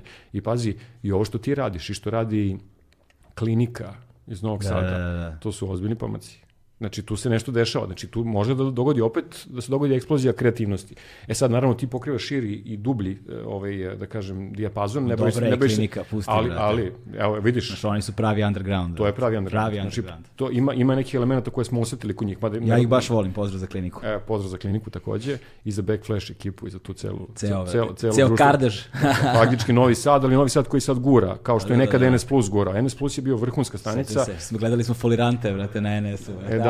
Kako smo mi imali treći kanal RTS-a, oni su imali treći kanal Radio Televizije Vojvodine i oni su tamo imali emisije, ovaj, eh, ta emisija Revolution koju su radili baš pomenuti Mm. Ferdi, Noisemaker i Fakir, Z i cela ekipa iz Noise Distractiona, to su vrhunske emisije. Evo, ja, ja sad kad razmislim, ja, moja su prva putovanja po Vojvodini, Znaš, sad iz ovog Google mogu da kažem putovanje. Danas to na, ljudi ne doživljavaju kao Ali putovanje. to je tad bilo voz. Znači, To je tad bilo autobus. voz, pa ideš do Subotice, do kluba Livka. Livka, Livka. vrhunski klub, da. Znači, da, ja sam, pa, ja sam zahvaljujući elektronskoj muzici prvi put bio u klubu Livka, zapravo sam bio uopšte u Subotici prvi put, zato što sam išao u klub Livka, pa smo bili na otvaranju Hemofarm sale u, u Vršcu. To si sa mnom bio. To sam s tobom bio. Kako je to? Ne sećaš se. Ja sam zamislio da kompanija koja se bavi... Ne, sećam se vrlo Da, dobro, dobro se sećaš, dobro. Dobro se sećam. Cela ekipa Metropolisa, To, da, to. Live Act Noise Distraction, Analog Synthesis, To, DJ to, Sun, sve, DJ sve. Konstantin, DJ Boris, Ovaj, DJ Ra. Novi Sad Sve Spence, prijatelji. Novi Tako Sad. Spence i tako dalje. Da, svega, Paradiso, svega. Pa, Paradiso, da, da. Vrhunski da, klubovi, da. Paradiso, da. Tamo se imao ovaj, kako se to zvalo? Transplant. Transplant, transplant. Naj, naj, najveći klubski festival, 31 događaj smo uradili za nekih 10 godina. E, I sad tako dolazimo do, do ove priče kako se to dogodilo. Mhm. Znači, e, na zapadu je popularna kultura išla od ozdo i napredovala i imala dosta uticaja i tih službi, razumete, ko šta pusti, tamo je nemoguće probiti se sad direktno negde. Oni jesu posle napravili BBC Radio 1 i tako dalje, ali to nije, to je neki šesti kanal nekog glavnog kanala. Vi ne možete u mainstreamu da gledate to što je underground. A šta se kod nas dogodilo? Mi smo odlučili znači, da se probijemo u mediji, da medije nekako zauzmemo, a da radimo ne sa etabliranim umetnicima. Njih samo jednostavno objavljujemo, a da gura, radimo sa klincima. Znači tim 14, 15, 16 godina. I da kad nam dođe neki dečko ili devojčica i kaže, e ja mogu bolje od ovog DJ-a, ajde da vidimo. Evo ti ploče, evo ti vežbaj. I tako dosta dižokeja je radilo zapravo sa ovim poznatim. Recimo Serđo je radio sa nekoliko mladih dižokeja i, i sa Nikolicom i sa još nekima i faktički su oni napredovali i postali dižokeji od njih. Kao što je Lale radio sa Markom Nastićem ili su radili kod njega u klubu. E, i- U i- prodavnici. E, prodavnici, u prodavnici, da. I šta se onda dogodilo? E, taj konglomerat, i to smo teoretski razradili, gde vi imate mediji, a uspeli smo da se probijemo da to imamo na državnoj televiziji i gde to niko ne vidi. Svi mislite da to je neka bezveze emisija, pustaju se neki spotovi, gde neko može da vas pozove telefonom i da vam donese svoju numeru, vi mu uradite spot besplatno i pustite, ili on sam uradi spot kao što je Nikola Ćosić ni došao jednog dana sa kasetom i rekao ovo je moj spot i pustio spot i sutra dan cela zemlja zna za njega. A niko ne zna ko je on zapravo. E, taj, taj dvojni nivo smo mi postigli. Šta smo mi zapravo radili? Mi smo zapravo hteli da underground ne postane mainstream, nego da underground ima šansu da se razvija u raznim smerovima, a da neko od njih ko hoće da postane mainstream, on može da postane. I mi smo obrnuli situaciju. Mi smo prvo došli na televiziju. I taj događaj je antologijski. Bila je velika audicija za treći kanal za voditelje i voditeljke u Sava centru. Čitava zemlja se tresla. 5000 prijavljenih. E, to, su, to je danima trajalo. Tri dana, mislim da je trajalo. I zaista svi koji su želeli nešto da urade i hteli da imaju neku karijeru medijsku, došli su tamo. Međutim, to je bila zapravo audicija za voditelje, a ne za autore ili autore muzičkih emisija.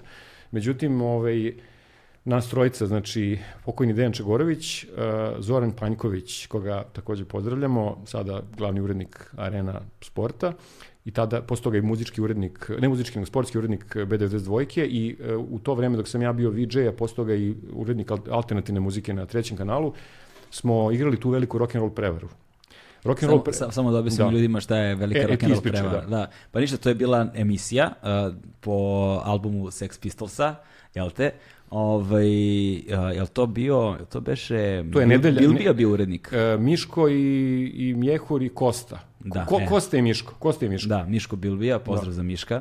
Ovaj, I uh, ljudi su se javljali i odgovarali na, davali tačne odgovore, jel tako? Tako, na, kviz, Kviz, vrlo, kviz. vrlo težak kviz gde dobijate pitanja uh, o numerama, o kompozitorima, o izdanjima, ali i svemu što je vezano za muziku, o nekim refleksijama, jako težak kviz. To je možda najteži kviz koji smo ikada igrali. A, ali ono što je tu glavna fora bila nagrada. Tako je. Nagrade su bile tako male za sadašnje uslove, a nama Uopšte nisu nagrade bile bitne. Nagrada za pobedu je bila da odete u neku palačinkarnicu Amika u Skadarli da. da se najedete palačinki, ali i da imate priliku da sledeće nedelje na 92 imate sat vremena svoju emisiju da puštate muziku kako vi hoćete i da na pričate radiju B92, na radiju samo B92.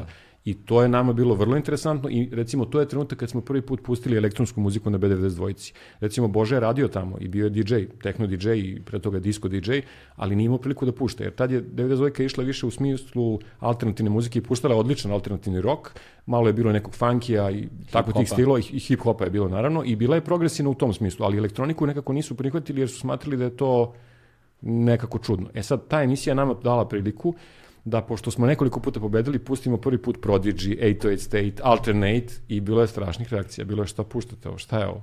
Ovo neki, e, neki šumovi, buka neka. Da, ali Prodigy je recimo fenomen muzički posmatrano, kulturološki posmatrano, revolucionarno posmatrano. Oni su baš nastali kao deo tog, uh, Tako ono, tog, tog uh, buntovničkog pokreta u, u Velikoj Britaniji. Protiv uh, zabrane ilegalnih rejvova. Tako Zapravo, da, da. oni su, oni su i onaj Music for the Jilted Generation napravili kao svoj, svoju pobudnu. Rekli su, šta, vi ste nas izdali, nemamo nikakvu šansu, zabranjujete nam čak i to jedino što imamo, to su ti rejvovi i kao mi ćemo se boriti kroz muziku. I da. stvarno, i, i bio je onaj crime justice bill, borba protiv tog, da. Tog zakona koji je zabranjivo da se ljudi sami okupe i naprave neki muzički događaj. I oni su bili toliko veliki, mislim, sad se, na, na primer, ok, svi znaju Music for the Jilted Generation i ono Fat of the Land i te albume i sad tu, znaš, ono No Good i šta ti ja znam, sve to, ok, da, i ono, ultimativni hitovi svih vremena, kultna muzika, definitivno ono Hall of Fameri, ali kada slušaš recimo prvi album njihov, kada slušaš numeru kao što je Charlie. Charlie, to. strahovito nešto.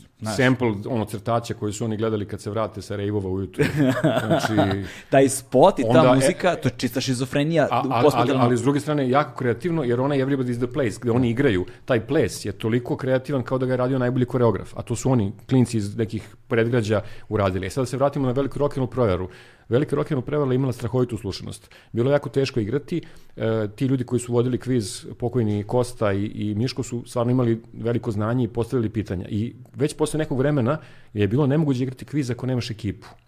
Jer ti ne možeš da znaš sve vrste muzike. Mi smo napravili jednu ekipu, tu su bili pokojni Čegorović, zatim e, Zoran Panjković, Mija, Kepa, znači, Kepa. Kepa, znači i još smo imali nekoliko saradnika, sad izvinjam se što neću ih sve pomenuti, I igrali smo, igralo se preko telefona, nije bilo mobilnih telefona. I bilo je jako teško da ih dobijete telefonom. Znači 6, 8, 10 ljudi ih dobije telefonom. I kad ih dobijete, e onda vi odgovarate na pitanje i dok odgovarate, vi ste u igri. Kad, iz, kad ovaj, ne odgovorite, ispadate. I svaka emisija ima kao četvrt finale, polufinale, na kraju pobedite, ko pobedi ima tu emisiju. E sad, a, mi smo na kraju našli neku ekipu, jednog našeg drugara koji ima dva telefona u stanu, Na, na, mislim da mu je, da mu tata mu je, ali, bio, tata ali, mu je bio trener futbolski. Pa ali imao, fora, fora da, tome ne dva telefona, nego dve telefonske linije. Da, da, dva, dva broja. I onda smo mi sa dva broja neprekidno zvali i Međutim, i to nije bilo dosta, pa smo posle našli neki pomični broj, pa smo imali tri broja. Sad dodajem tajne kako smo to radili. Šta je pomični broj? E, to je faktički onaj e, telefon koji se nosi, ali je kućni. Ali recimo iz susednog je stana, pa domet hvata kao da je mobil. Hvata 10 metara.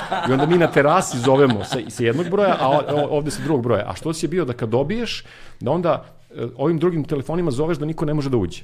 Međutim, sve to ništa ne znači ako ne znaš da odgovoriš na ta pitanja. I šta smo mi radili? Mi smo igrali, uh, podelili smo se ko se bavi kojom vrstom muzikom i uspevali smo da pobedimo. Oni čak nisu mogli da veruju zašto mi tako pobeđujemo i bilo je par pojedinaca koji su, taj čuveni profesor koji je igrao sam i mi smo ga počeli pobeđivati. Ne. I nas su prozvali kompjuteraši. Oni sigurno imaju neki kompjuter, nemoguće da ovako znaju, a mi nismo imali kompjuter uopšte. Da, da. I mi smo tako pobeđivali na velikoj rock'n'roll prevari i nama se to jako dopalo. To kao pobediš, imaš emisiju, puštaš muziku i onda nam je bila ideja, čekaj, ako smo to uspeli na radiju, da pobedimo, ne znam, 6-7 puta, pobedili smo u celoj sezoni, a nagrada je bila skijanja na, a, na gde beše, na Mavrovu, ja mislim. Tako ne, nešto. Ne. Mislim, ne, nije možda na Mavrovu, ne, ne, ne, skijanje na, a, tamo gde su Štrpce, kako se zove ta planina? Nemam pojma. Dobro, u svakom slučaju... Divčiva. Ne, ne, ne, ne, ne, ne, ne.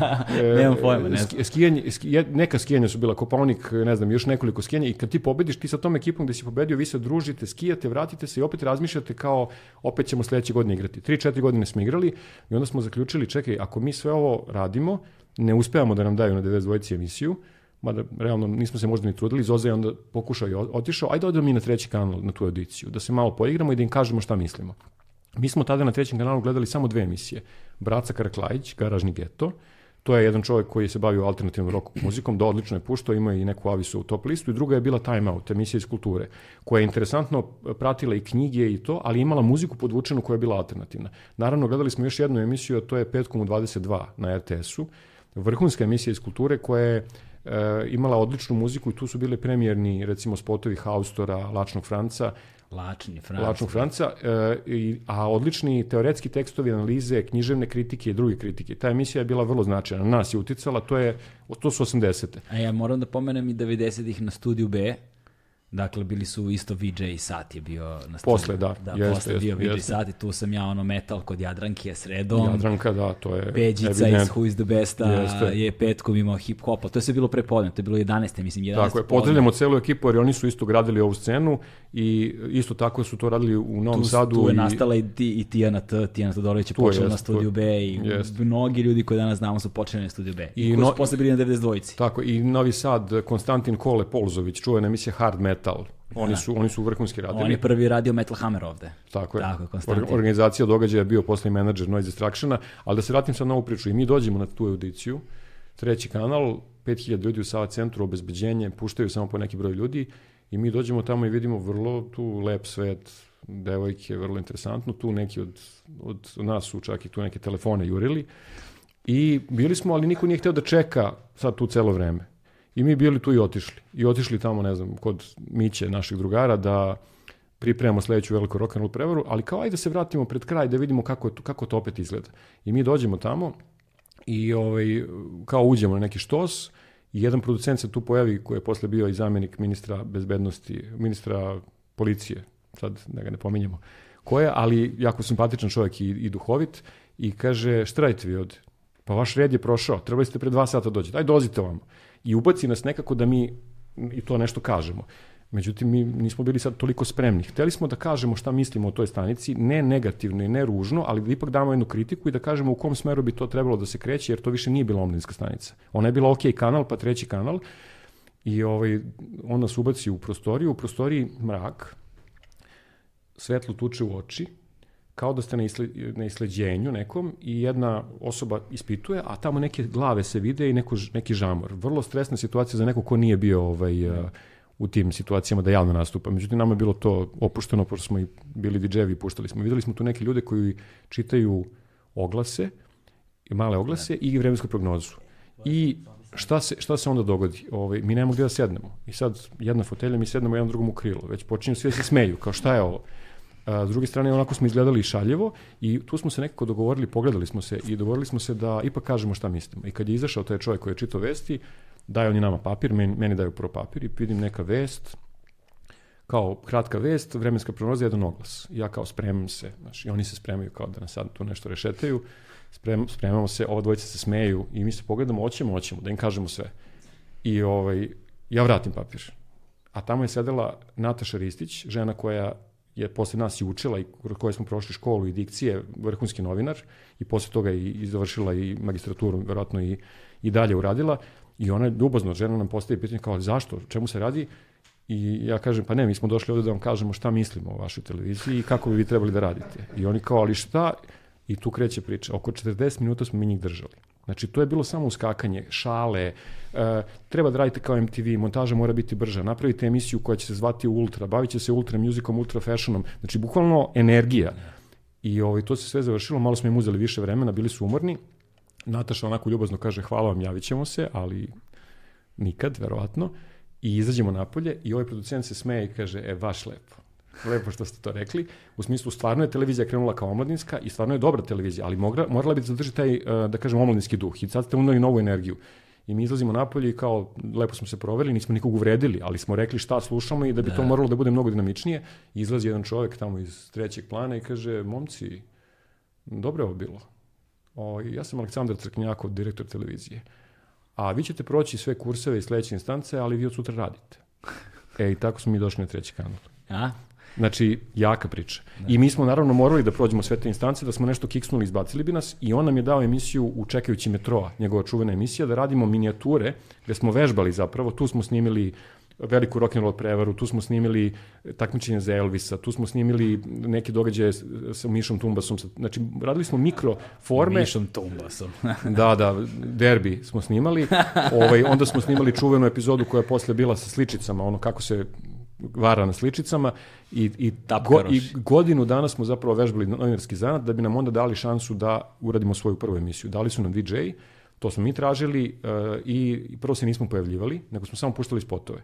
I bila je ideja da se niko ne pojavljuje, nego da bude kompjuterska grafika koja to prikazuje. E onda su nas pritisli i rekli, pa ne može, mora neko da se pojavljuje. Onda Zoza nije hteo, Čaga nije hteo, to je bilo sve ono, na kraju su mene gurnuli, kao aj ti se pojavljuj. I nije mi baš bilo, da kažem, prijetno, jer znate kako je to bilo, to je ono, ide uživo ili ne znam, nekad nije bilo uživo i sad gleda vas cijela zemlja. Svaka greška se vidi. Da, da. I nekako smo to izdržali. Zoza je napravio svoju emisiju o alternativi i čuvenu emisiju od izvora Drugi putić, koja je bila baš alternativna.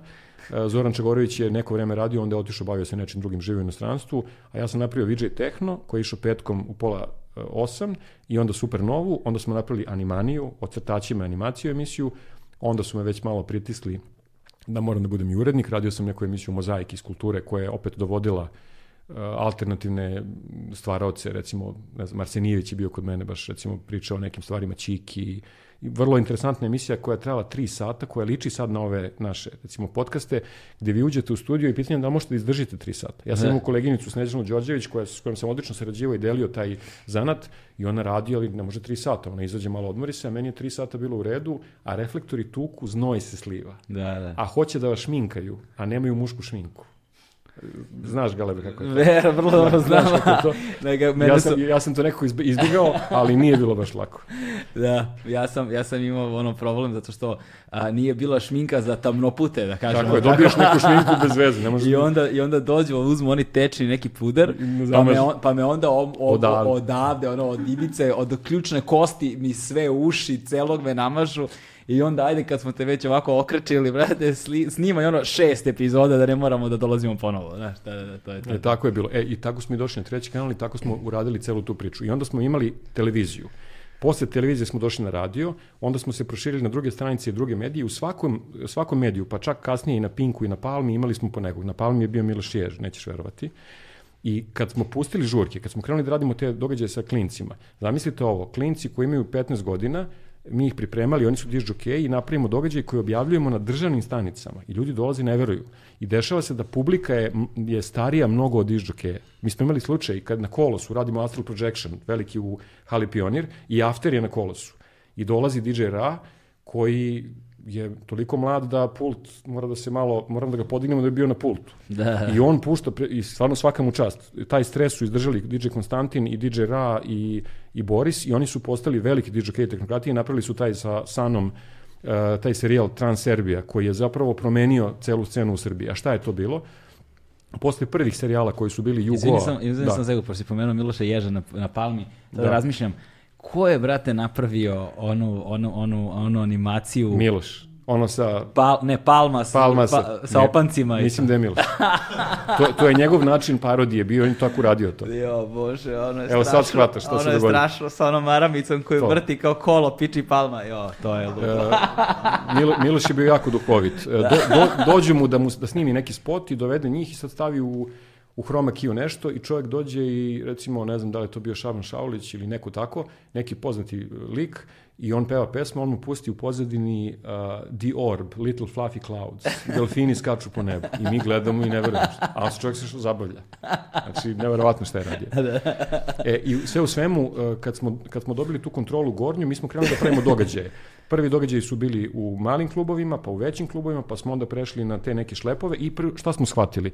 Da je nemoguće, a to ste i vi shvatili kad ste pravili hip-hop kulturu, da je nemoguće samo praviti događaje, nego da vi morate da ih oblikujete umetnički, da imate umetničkog direktora, reditelja, scenaristu, mi smo to imali za događaje. Naši događaji nisu bili da dođe DJ i pušta muziku, ne, ne, ne, nego imate režiju od početka do kraja i to smo počeli da radimo sa tim serijalom Jugoa, kao Jugoslavija Goa, naš, tako neki štos, I on se razvijao kroz industriju, kroz robnu kuću, iznajmili smo neku robnu kuću, šlep, i shvatili smo da to nemoguće više. Preveliki su događaji. I onda smo odlučili da napravimo Trans-Srbiju ili Trans-Serbiju, kako god. I tu nam je koncepcija bila da postavimo uvek po jedan srednjevekovni grad, jednog viteza, i da to stavimo na flajere. I da kad dođu stranci vide našu istoriju i da onda se obično i na tvrđavama su se dešavali ti događaji. Mm -hmm. To smo prvi put radili na ovoj tvrđavi Beogradskoj, onda smo radili u Smederevu, radili smo još na nekim tvrđavama i počeli smo da zovemo najveće svetska imena iz tog perioda. E sad, kako to izgleda? Izvini samo sekund, tu je još jedna mala digresija. Ovaj, kao što je Pećina, klub Pećina bio, mislim, danas to nije dostupno javnosti, ali mi smo normalno išli u Barutanu, ali je zapravo imala bila zimska ono gde bila je pećina u kojoj su se pravile žurke, koja je baš bila luda. Koja je zapravo kao muzej, kao tu muzej, su da. eksponati i to je bila prava Barutana. E, i ti događaji, mi smo ih osmislili, nazvali smo ih Transerbija, napravili smo sledeći koncept, da zovemo izdavačke kuće koje imaju najbolju muziku u tom trenutku na svetu. S njima komuniciramo godinu, dve dana, dogovorimo se i onda mi njih ne plaćamo nešto puno, mi ih platimo minimalno, ali mi im napravimo takvu promociju da oni postanu veliki kod nas i napravimo im recimo video spot a nisu mogli da prodaju ovde muziku zato što se muzika ovde nije toliko prodavala. I šta se dešavalo? Tako smo recimo pozvali Astral Projection, najveću grupu trensa tog vremena, Mirandu, švedsku tren zvezdu, ne znam, Daršana, Kosmozis, uh, Šaktu, Čakru, znači to su velike imena iz raznih zemalja i oni su jedva ulazili u Srbiju. Mi smo ih dovodili preko nekih bugarskih aerodroma, slali kola, vraćali se, ulazili su na intervencije Ministarstva kulture i uvek je to bilo ambasada i tehnokratija, se dogovore te zemlje, da umetnik dođe. Tad su bile sankcije, nemojte zaboraviti. I oni su imali problema što su dolazili ovde. Prodigy imao problema što je došao ovde. Imali su čak moguće otkaze na turneju. MTV kad je došao, taj producent je dobio otkaz, jer je radio Enlightenment, to je veliki događaj, predstavio u sjajnim e, tonovima u MTV News, a nekom je onda rekao, pa kako predstavljate Srbiju u sjajnim tonovima. I ljudi nisu mogli da veruju koliko su bili veliki događaji. A to je zanimljivo i za Prodigy, koji, kad su dolazili tada, to je taj legendarni koncert u Hali Pionir, Pionir da. koja je ono promenila mnogo stvari kada je underground kultura u pitanju. Ovaj, ti si radio intervju sa njima tada. Jeste, zapravo, evo, to, taj Prodigy zapravo objašnjava kako izgledala promocija. Znači, e, nije bila ideja da dovedemo Prodigy, nego je bila ideja da godinu dana ljudima puštamo sve o Prodigy i da ljudi saznaju i da shvate koliko su oni veliki. Najveći koncert Prodigy do tada je taj. To je njihov prvi koncert u hali. Oni su svirali u klubovima. Ja ih poznajem iz, iz tog vremena. Šta smo mi radili? Mi dobijemo njihove promo izdanja, vrtimo ih na događajima, vrtimo na radiju, onda dobijemo MTV konekciju, tad nisi mogao dobiti, nego su ti slali kasetu, vrtimo spotove. I onda kad ti lepo obrazuješ publiku, a publika je tada gledala te emisije i snimala, onda su oni spremni, oni čekaju. I sad šta se dogodilo? Da ljudi u Srbiji čekaju prodiči kao da su Rolling Stonesi. Da. da se proda nešto 8900 karata, oko 11.000 ljudi uđe u pionir, puknu stakla od broja ljudi. A tog istog vikenda naša tada najveća narodna zvezda je napravila koncert na Tašu i prodala je negde oko 3-4 hiljade karata, a karta za Prodigy je bila pet puta skuplja. E sad vidite da i underground može da bude samo održiv. Da, da. E, mi smo zaista i prvi koji su pročeli da prodaju ulaznice, jer smo od tih ulaznica finansirali događaje. Nismo radili sa, sa sponzorima, zato što sponzori tada nisu mnogo ni razumeli to, a i nismo hteli da utiču na nas sponzori i tako da recimo taj koncert prodigy je u njihovoj karijeri puno značio. To je bio vezani koncert Budimpešta, Beograd, Skoplje, ali taj u Beogradu je bio šokantan. Znači, da. sam, kad su mi dali intervju, hteli su da daju samo jedan intervju i onda, eto, kao ko ih je promovisao, treći kanal ih je promovisao, uradili smo intervju, imamo ga i sada i vrlo je šaljiv intervju. Ispostavilo se recimo da ja sam tada morao da šijem sam sebi odeću jer nisam mogao da nađem nešto mi se sviđalo. I onda sam našao neke čaršafe stare, još kad sam bio beba sa nekim belim radama i od toga sam sašio pantalone i gornji deo i tako dalje i vežbao sam šivenje, ali ne, ne kažem da sam ja, nego evo, i tvoji drugari, šta kao, e, kao Juice, Short i ekipa nisu pravili svoju odeću, pa pravili su svoje labelove i ovi drugi ljudi tehno i sad ja sam bio u tom u toj odeždi Do, samo pantalone ne, ne, može baš da se poredi to što su oni pravili sa tim što si ti pravio. pa ne, ne znam. Znamo, znamo kako, kako, kako si ti umeo da izgledaš lepo. Pa dobro, to je sad šaljivo. Ej, u, u svakom slučaju, šaljiva scena s tog intervjua je sve kao, mi radimo intervju i vidim ja, ovaj, Kit se neprekidno smeje nešto. Mislim, pokojni Kit, nažalost. Smeje se, smeje se, kao šta smeje, gleda moje pantalone. A pantalone su te sa belim radama, neki čaršav sa belim radama, a gornji deo beli sa velikim cvetom ovde. I na kraju čovjek ne može se uzdržiti i kaže, e, dakle ti ovaj čaršav? ja, ja kažem, pa to je nešto, iz Francuske smo dobili nešto, Belgija, moj ujak i ne znam tačno šta je bilo, u svakom slučaju iz, iz inostranstva je. I on kaže, stvarno, jel ti znaš da je meni mama kupila u Francuskoj to da sam ja spavao na takvom čašu? I ja kao, a čovjek moje godište. I, i raspada se intervju, to to. Znači, I tako je bilo, par, par takvih scena je bilo. E, bili su zaista, iznenađeni su bili kako su bili primljeni u Beogradu i e, išli su posle u industriju i uvek smo ostali u dobrom kontaktu, čak i neki naši članovi su svirali sa njima posle kasnije jedan od najjačih underground bendova zaista koji je promenio scenu, jer su napravili taj crossover između elektronske produkcije, rejva, tehna, pa čak i metala, čak i roka. I oni sad su nad, nad band i posle ih je Exit zvao nekoliko puta i stvarno su to izuzetno jaki događaji. Ti si bio na tim događajima. A, kako ne, kako ne. Ovaj, e sada, um, Transerbija je bio zapravo fenomen gde, o, kako bih to objasnio, dakle, moja generacija, koja je tad bila ono, sad, sad već mi polako dolazimo na scenu, mi smo klinci koji počinju da izlaze polako. Tako je. Ovaj, Više nemate 14, nego imate 18. Dakle, na 17, 16, 17, 16, 17, 18 godina imamo i sad već postajemo polako, ali sigurno aktivni. Neki od nas tako malo ranije, jer smo se muvali po gradu, upoznali ljude, znaš ortake na vratima, znaš pa ortake puste, da, da. pa te puste i znaš to, ono, promuvaš se. Ovaj, Transerbija je bila ono place to be, znaš, samo što sećam se, da to nikad nije bilo, uh, nikada nije, ne, ne, ne pamtim da je Transerbija ikada bila u klubu. E, nije mogla jer bi se da, srušio znači klub. ja sećam, sećam se da su bile neke garaže kod, kod uh, studija B, tamo kod Beograđanke. Uh, jeste, to je neki Astral Projection. Astral bio, tako Projection je bio u garažama, jer je Tako. to, jednostavno ta žena koja je bila direktor Beograđanke shvatila je kakva je to umetnost i dala nam je garažu i mi smo radili ogroman događaj u garaži. Zatim, uh, prvi put je Kolos korišćen za, tad se nije ni zvao Kolos, mi smo mu dali ime, onaj stari Kolos, ne Da, ovaj da. novi. Tu je, tu je bio Spirit Zone, uh, to je Transsrbija 1 gde su nastupili Antaro Electric Universe, strašan događaj. Onda koristili smo i Dom omladine kada je bio još ruiniran, pa smo koristili sve prostore. Uh, radili smo halu Pionir, radili smo, uh, šta smo još radili od tih lokacija, Um, razne lokacije koje su bile Znaš šta sam od uvek želeo da imam tad, to je, ja sam, htio sam da imam Transerbija majicu, ali nikako nisam mogao da nađem. E, Ako imaš moralo- neku, to, to bih bi, volao. to bi morali da se neko sledećih emisija nađe. da, to, to, to, to, to. A znaš koju konkretno Transsrbiju? Pa nemam pojma. Bila je ona jedna Transerbija koja je imala datume na leđima. Sve imaju datume, nego broj kockica napred je bio broj uh, Transsrbija. Ako ima jednu Aha. kockicu, to je Transsrbija 1. A, ne I znam uvek to, ne je bilo znam. tu Transsrbija, broj Tako je. kockica, recimo šest kockica, Transsrbija šest. I bi- od, od sada je održano 10 Transsrbija, oni su se dešavali jedan, dva puta godišnje i zaista su bili događaji koji su imali događaj, pa su imali after, pa su imali after after. Sećaš je, sećam se toga i onda je bilo, i sećam, to su još dve stvari koje sam htio da, o kojima htio da pomenemo. To prve žurke koje su trajale, mislim, ono 48 sati. Dva dana, daj, dve Dva noći, da. dana, Ali dva ideš da- ti kući, spavaš, pa dođeš sutra, normalno. Pa da, mi smo to. se mi izmarali nešto Bilo mnogo. je nas koji nismo baš išli da spavamo. E, pa. to, ovaj, dva, da, bile su te 48 sati i bilo je, sećam se, u Barutanije se to najčešće dešavalo, da bude žurka i onda ekipa ide kroz, mislim, znaš šta mi se dopada zapravo sve vreme u ovom razgovoru, sad pravim baš digresiju, a, zato što a, posljednjih 15 godina živimo u vremenu demistifikacije. To ima ona, ona jedan mim koji stalno pominjem, kao baba, ja sam sine u školu 7 km peške, a ono, sin na Google mapi kaže baba 1,4 km. Znaš? Ove, e, znaš, ta vrsta demistifikacije i sad idemo ka tom totalnom demistifikovanju svega i mislim da, a da, i mislim da stvarno životu danas nedostaje malo misterije, zato što uh, ona oplemenjuje duh na neki način i čini situacije, stvari, iskustva življim. Uh, znaš, de- dešava se nešto što nije možda nužno tačno, Znaš, ali isto tako i umetnost, ono, nije, znaš, nije nijedan ovaj roman uh, istorijski tačan, znaš, a možda jeste, ali samo istorija je iskorišćena kao ono, Kao predložak. kao, kao, kao, kao umetnička građa, znaš, kao, Da. kao motivi za stvaranje umetničkog dela koje, znaš, ni Tolstoj se ne uči na katedri za istoriju, iako je on istorijski tačan, znaš, znači nije umetničko delo je ipak u pitanju.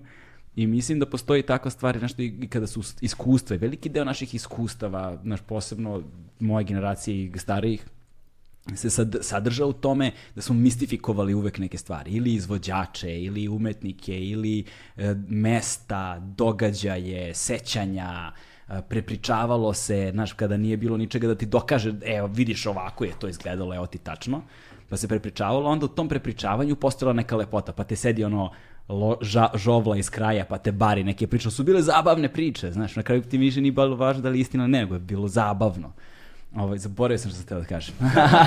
Ne, dem, demistifikacija. Da, pa Govorio da. si o demistifikaciji, da, Ovaj, da je to bilo vreme Da, da, da, da, da, mistike, da, da, da, na neki da, da. način mistike, ali To. da sad je vreme I demistifikacije. da zapravo tvoj razgovor sve vreme uh, održava taj nivo mistifikacije. u suštini, znaš. Sad je to je ono, znaš, da, po, po, interesantno. počevši od toga kako su navodne urbane legende o tebi, razumeš, pa nadalje, i način na koji se sve vreme zapravo gradila, znaš, vi ste kapitalizovali na toj mistici.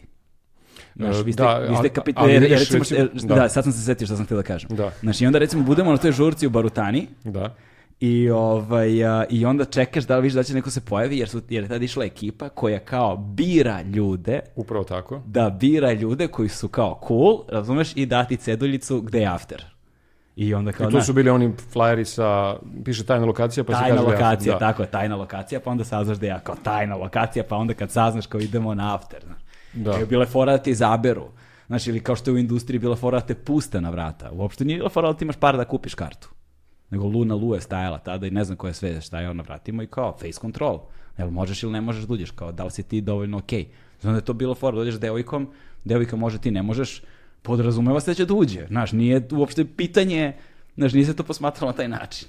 Da, ovaj sad kad ti govoriš o mistici, e, šta je nama to bilo zapravo? E, Mi, mi smo zapravo htjeli da podstaknemo ljude da malo istražuju, da, da ne bude sve iz prve. E, mi im damo neku informaciju o, izvođaču, ko je taj umetnik. Oni ne mogu to da skinu, nego slušaju na radiju, pa onda dođu na događaj, pa dožive promociju. To su uvijek bile promocije novih albuma, pa tu dožive iskustvo da ocene muziku da li je dobra ili nije dobra. Dešavalo se često da je naš diž ili naš izvođač bolje primljen nego taj strani.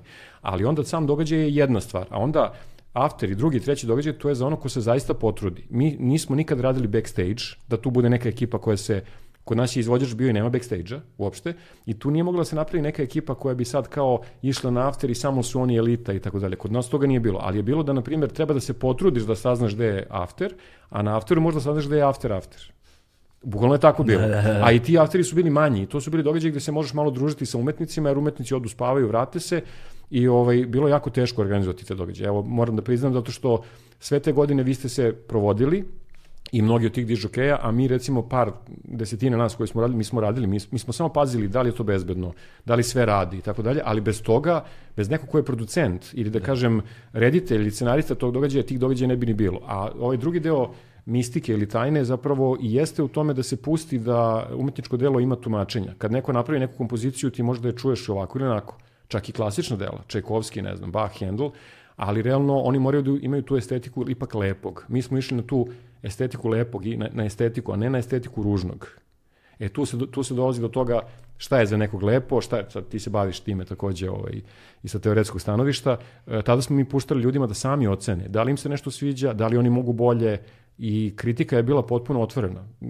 Tad komunikacija kakva je bila? Oni su nam slali razglednice i glasali su razglednicama za određene stvari. Mi smo dobili džakove pošta, onda smo vadili izvučenje ovaj dobio je majicu, izvučenje ovaj dobio je ne znam šta. To je bio internet. Mi smo napravili svoj internet i svoju društvenu mrežu koja se zvala Tehnokratija, koja je imala oko 20.000 kontakata. I šta smo mi radili? Kad radimo neki događaj, mi nađemo nekako pare i pošaljemo nekim od tih ljudi flajere na kuću. Ljudi su u šoku. I oni dođu na događaj. Da. Nešto smo i delili, ali realno mi smo komunicirali. Telefon nam je bio alatka i pošta. Ali ono što je također važno da se naglasi tu da je svaka sitnica, to sad nije isključivo u vezi sa vama. Nego to- bilo ko, bilo nego, ko, Nego, da, da. nego, je to, nego je to trend tada bio. Svaki segment promocije je isto bilo kao neko malo umetničko delo. I angažovani su umetnici za Tako to. znači da, da. flyeri su se čuvali. Znaš, nije, bilo je, sećam se, uh, da DJ Prema je organizovao sa Đole FBI-em, Milanom Alavanjom, pozdrav za njih dvojicu, ovaj, su organizovali jedan od prvih breakdance događaja koji se zvao jo neki bet, kako se to beše zvalo, zajedno smo bili tamo, prvi breakdance battle zapravo kod nas, u Narodnom pozorištu, čini mi se da je ili u Domu omladine, ne znam gde je bio prvi.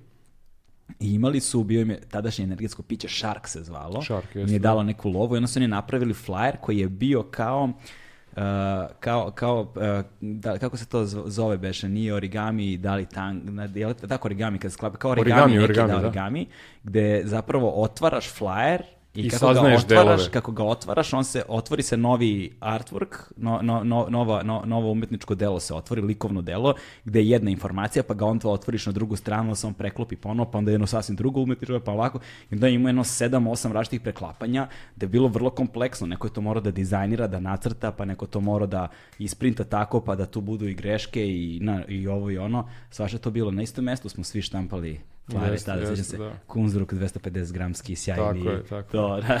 ali, ali evo da pozdravimo Negde na banjici, gde Banjica? Đole, znači čuveni Extreme Sport, odnosno Grid studio, oni dalje rade. E, vidite kako su se skupili ljudi. Znači ljudi koji su bili recimo štampari, oni su prepoznavali da treba da pomognu scenu. Da oni nisu štampali, da nisu pomogli, mi ne bi mogli to da radimo. Ljudi koji su imali tehniku, zvuk, svetlo, lasere, skenere, oni su isto pomagali. Mi smo faktički bili kao neka vrsta e, organizacije gde nije nikom nikom ništa plaćao, nego mi radimo događaje, pa ako ostvarimo prihod, onda pokrijemo svoje troškove. Ako ostane još nešto, mi smo to nismo trošili pare za sebe, nego smo isplaćivali honorare i na kraju smo uspeli da umetnici žive od toga što rade i da nam ostaje još novca. Onda smo taj novac investirali u opremu i onda smo tu opremu iznajmljivali drugim organizacijama ili tako smo funkcionisali. Zapravo to je interesantan model gde vi se bavite umetnošću i to totalno underground umetnošću, a održivi ste.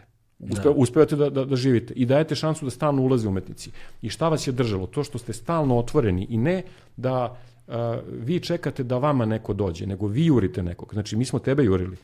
Iako Da. ste imao 16 godina da ti dođeš, jer mi smo videli energiju. Tako smo jurili i mlade dižokeje i mlade dizajnere, jer mi treba da dođemo do tog čoveka da mu damo šansu. E, to treba i sada da rade ljudi. E, To su radili mnogi ljudi i pre nas. Ne znam, uh, ljudi urednici radija, urednici mnogih stanica i urednici likovni. Mislim da je zadatak da stvarno ljudi otvore priliku mladima da oni imaju šansu da se izraze. Da li su oni fakultetski ili nisu fakultetski obrazovani, ok, to ima neke elemente, ali nije presudno, a naravno čovjek posle sebe može da izgradi. Evo i ti si kompletirao sve. Kad si se... Na kad putu si, se- Pa dobro, na putu si kad si se sastavio, da. Da, kad sam se, da, kad sam Da. se malo sastavio posle Da. jedno deseta godina haosa. Da. E, I eto, e, ovaj, e, ta, ta scena je zapravo trajala oko 20-25 godina i mogu sad nešto da kažem kod tebe baš ovaj, ekskluzivno. E, pošto trpimo veliki pritisak od kad su se pojavile društvene mreže, a nismo nešto aktivno sad pravili sajt tehnokratije ili ne znam, postoji sajt tehnokratije, možete da vidite tamo u delu arhive, fantastične događaje i flajere, to smo stavili čisto da se ljudi malo podsjete, ali video zapise nigde nismo okačili. E sad šta mi radimo, na čemu radimo? Dobijamo stalno puno zahteva i na Facebooku i na e, još nekim drugim platformama koje nam služe samo kao komunikacijone sredstvo, a tu ništa ne objavljujemo. E, Ljudi hoće jednostavno da se nešto dogodi ponovo. I sad pritisak je da li da radimo neke događaje, ali događaje mogu da rade i drugi ljudi, nije to strašno, međutim, shvatili smo šta je zapravo potrebno. A, Radimo na tome da zajedno sa scenom, tadašnjom i sadašnjom, počnemo da a, stvaramo tehno muzej u Beogradu. Fizički tehno muzej. Imamo ogromnu kolekciju videozapisa, ploča, odeće, e, fotografije iz tog vremena, plakata, flajera. S druge strane, sve organizacije ovde i ljudi koji dalje deluju, razgovarali smo sa svima, a i pojedinci su presrećni da daju svoje delove kolekcija koje će biti nji- njihovim imenom potpisani i realno to će biti u nekoliko faza rađeno. Prva faza je taj film koji radi ovaj, tag produkcija zajedno sa ekipom mladih e, stvaralaca, to je Pavle Terzić i njegovi saradnici, mladi reditelj, e, koji je prvo snimio sve te ljude i mi ih imamo snimljeni. Biće film, pa će biti serija. Ali ti zapisi, ti intervjui zapravo mogu biti i artefakti na izložbi. Posle filma će biti izložba o istoriji tehnokulture, a onda ta izložba treba da postane i virtualna, da imate web sajt gde možete pogledati. I mislimo da će onda i projekcija tog filma i serije i sama izložba pokrenuti ljude da oni šalju svoje flajere, da se oni uključe. Mi hoćemo da bude to interaktivno, da muzej nastane od kolekcija svih vas, od tvoje kolekcije, od, da, od Đusove kolekcije. Malo ljudi zna da je Đus radio elektronsku muziku trance. On je nama slao radove i bio na, kod nas e, na listi, a posle se bavio hip-hopom. I mnogi drugi ljudi, Paja Skater, e, znači mnogo ljudi koji su bili na toj sceni. I sad, takav muzej ne postoji na svetu. Postoji neki tehno muzej u Frankfurtu, ali to je više klubski muzej kluba Omen. E, dobili smo i potvrde da su zainteresovani veliki muzeji u Srbiji, znači Muzej savremene, Muzej nauke i tehnike, zatim muzeji Linz, Ars Electronica, Sonar Barcelona, Dokumenta Kassel i sad je samo pitanje, pošto smo mi ipak u nekim godinama, ipak tražimo mlađi ljudi da to stvore, a mi ćemo im dati platformu. E, kako se to tebi čini? Pazi, meni se to čini sjajno, nego sam razgovarao, skoro bio baš, vidiš, to su, to je valjda, valjda su to ne, te neke godine tih generacija koje su bili, bile pio- pioniri u kreiranju određenih subkulturnih oblasti. Znaš, recimo razgovarao sam skoro sa Fat Filijem iz Zagreba, ovaj, koji tako ono, on sad ima 45 godina i on je tu isto ono, od, od sredine 80-ih kao, kao malo dijete, što bi se reklo. Ovaj, I on planira da otvori muzej, ali hip-hop muzej u Zagrebu Odlično, odlično. u Zagrebu koji će pratiti celokupnu scenu bivše Jugoslavije i Fantastično. prve kontakte sa strancima i tako dalje i onda vidim da postoje, naš sve vreme razmišljamo o tome, postoje paralele, to bi bilo baš divno zato što Uh, ne znam u kom podcastu sam razgovarao, mislim da je baš bilo sa, sa, sa Johnnyem Dečko Carom. Dečko Car, da, oni rade i grafiku i bili To. su i dižđokeji i tako dalje, I, majice, ovaj, fashion mislim, label. da, i, ovaj, i, on, i onda kada sam ga pitao gde, znaš, pošto su slavili sada 20 godina Dečko Cara, i onda sam ga pitao, kao, kao ovaj, rekao, šta bi ti voleo sada, znaš, da, kao, šta bi ti voleo za svoju decu su, i sutra za budućnost, ovo, ono, pošto je on pričao i o tome kako nisu otišli iako su imali prilike, nego su, priliku, nego su ostali ovdje, nastavili da stvaraju, kao teško je, pa jebi ga, pa šta, znaš, nema veze, idemo dalje, znaš, nećemo da kukamo celog života. I onda je istakao tu jednu stvar koja mi je bila baš lepa i možda je jedan od najsnažnijih utisaka koje sam ponio iz razgovora, kaže, volao bih da naša deca nastave tamo gde smo mi stali. Znaš, da se ponovo stvori nekakva tradicija. Znaš, da ne mora svaka generacija da počinje nešto iz početka, da op- opet iz nule, da opet ono probijamo ledove koji su hiljadu puta probijeni, da, da, stalno, da smo stalno u pelenama, da stalno prohodavamo. Znaš, sad ja malo parafraziram. Nego da mi razvijemo nešto i da onda sledeća generacija to otera dalje, pa da sledeća generacija otera dalje. Da bi to moglo da se desi nekako kultura mora da bude puštena na miru, da se razvija u jednom kontinuitetu. Mi smo svakih deseta godina imali nekakav radikalan presek sa prošlošću, znaš, i ono radikalni rez u korenu, seci sve i celokupni novi identitet gradimo na anti onom prethodnom. I sve što je bilo pre sad ne važi, ne sme nikako smrt svima, idemo dalje, znaš. I, I ta matrica koj, koja nam se stalno ponavlja, uvek tu kulturu vraća na nulu, vraća na početak. I uvek smo negde na nekom rudimentalnom nivou, na nekom početnom nivou. Uvek mi nešto, uvek su priče kao ajde da počnemo pa ako bude para onda ćemo ne znam šta, ali kao ajde da, znaš, neko počne jednom kad već ima para, znaš, ili da neko počne, ne, da neko nastavi na mestu gde je neko prethodni stao, da se prosto nekako tradicija, tradicija nastavi. I ovo, ovo o čemu ti govoriš, to o čemu je Fili govorio, meni zapravo deluje kao jedan, ono, kao, kao jedno ove, ove kovečavanje zapravo celog, celog perioda okamenjivanje i postavljanja tradicije, da kažemo ovo su izvori, ovo su koreni, ovo su ljudi koji su bili prvi, ovo su bile ekipe koje su bile prve, ovo je, ovo je jedan kulturni milje koji sad postaje deo arhiva, da se zna, da se, da se steknu krediti i zasluge za one koji su tu bili, koji su to kreirali. I sada stvoreno je ovo kao preduslov, i sada sledeće generacije nastavljaju dalje. I onda kada oni završe, da oni odu tako u istoriju i da se kontinuitet prosto pamti, da se tradicija održi, jer mislim da to je jedan od mnogih elemenata koji predstavlja zdrave osnove ono bogatog kulturnog života jednog društva. Znaš, i uh, muzeji elektronske muzike i razgovaranje i razgovori o arhivi kada je ta vrsta kulture u pitanju je nešto što postoji već godinama svuda u svetu, znaš, nije Postoji. sada postoji, znaš, zašto bismo mi bili izuzetak i pravili se ludi Pri glupi čemu, da tako pri čemu nešto... samo postoji razlika između njih i nas. Mi imamo kompletno snimljenu scenu, oni nemaju. oni uopšte nisu bili koncentrisani, nisu bili u stanju ko zna šta su uzimali i tako dalje. A mi smo svi živjeli zdravo i snimali sve i fotografisali. Tako da Ne recimo, znam za sve, ali znam za tebe. Mm, Dobro, sad nije važno, ali u svakom slučaju šta se dogodilo? Gledali smo recimo nemačku arhivu i englesku. Oni imaju jako dobre kolekcije flajera, fotografija, ali nije se tad nešto mnogo snimalo. A mi smo, pošto smo krenuli s televizije, mi smo faktički sve snimali i ono što je isto interesantno, nema tu, ima nešto da se radi, ali ima i deo koji je već urađen. Znači, ako se setimo tih dana, recimo ti si u petak gledao emisiju, A kako je to izgledalo? Ja u subotu, i petak i subotu uveče, posle emisije, sednem u kola, idem u dva grada u Srbiji i tehnokratija radi neki događaj ili neko drugi, mi ga snimimo. I onda ja cele nedelje, u noćnim terminima, kad mi daju, montiram emisiju. Ja od snimka od 10 sati izmontiram jedan ili dva minuta. I taj, taj sublimirani, e, energičan zapis, gde su često intervjui poznatih ličnosti, ne znam, Garniera, Hela, takvih ljudi, Prodigija, E, to, to je već, već je napravljeno i postoji još nešto da se istražuje. Znači, mi to imamo snimljeno i to je recimo čak ako ne bude bilo ovde, da kažem, e, dovoljno snage ili energije, mi ćemo nešto raditi ovde, nešto u svetu. Svet traži to. Mi kad bi već, ti znaš, radio si za neke stanice, pa su ti snimci vrlo interesantni. Ali neka ovo bude samo podsticaj, krenuli smo u tom smeru i nadam se da ćemo ovo uraditi, zato što je to neka vrsta dokumenta vremena, to je neka vrsta a, digitalne arheologije sada već, e, to je teoretska postavka da neko može da radi istraživanja. Ako će neko da se bavi sociološkim, ne znam, medijskim i drugim istraživanjima, on mora da ima materijal. Na čemu radi, jel tako? Ti sad fakultetski znaš kako to funkcioniše. I nama često traži i reference.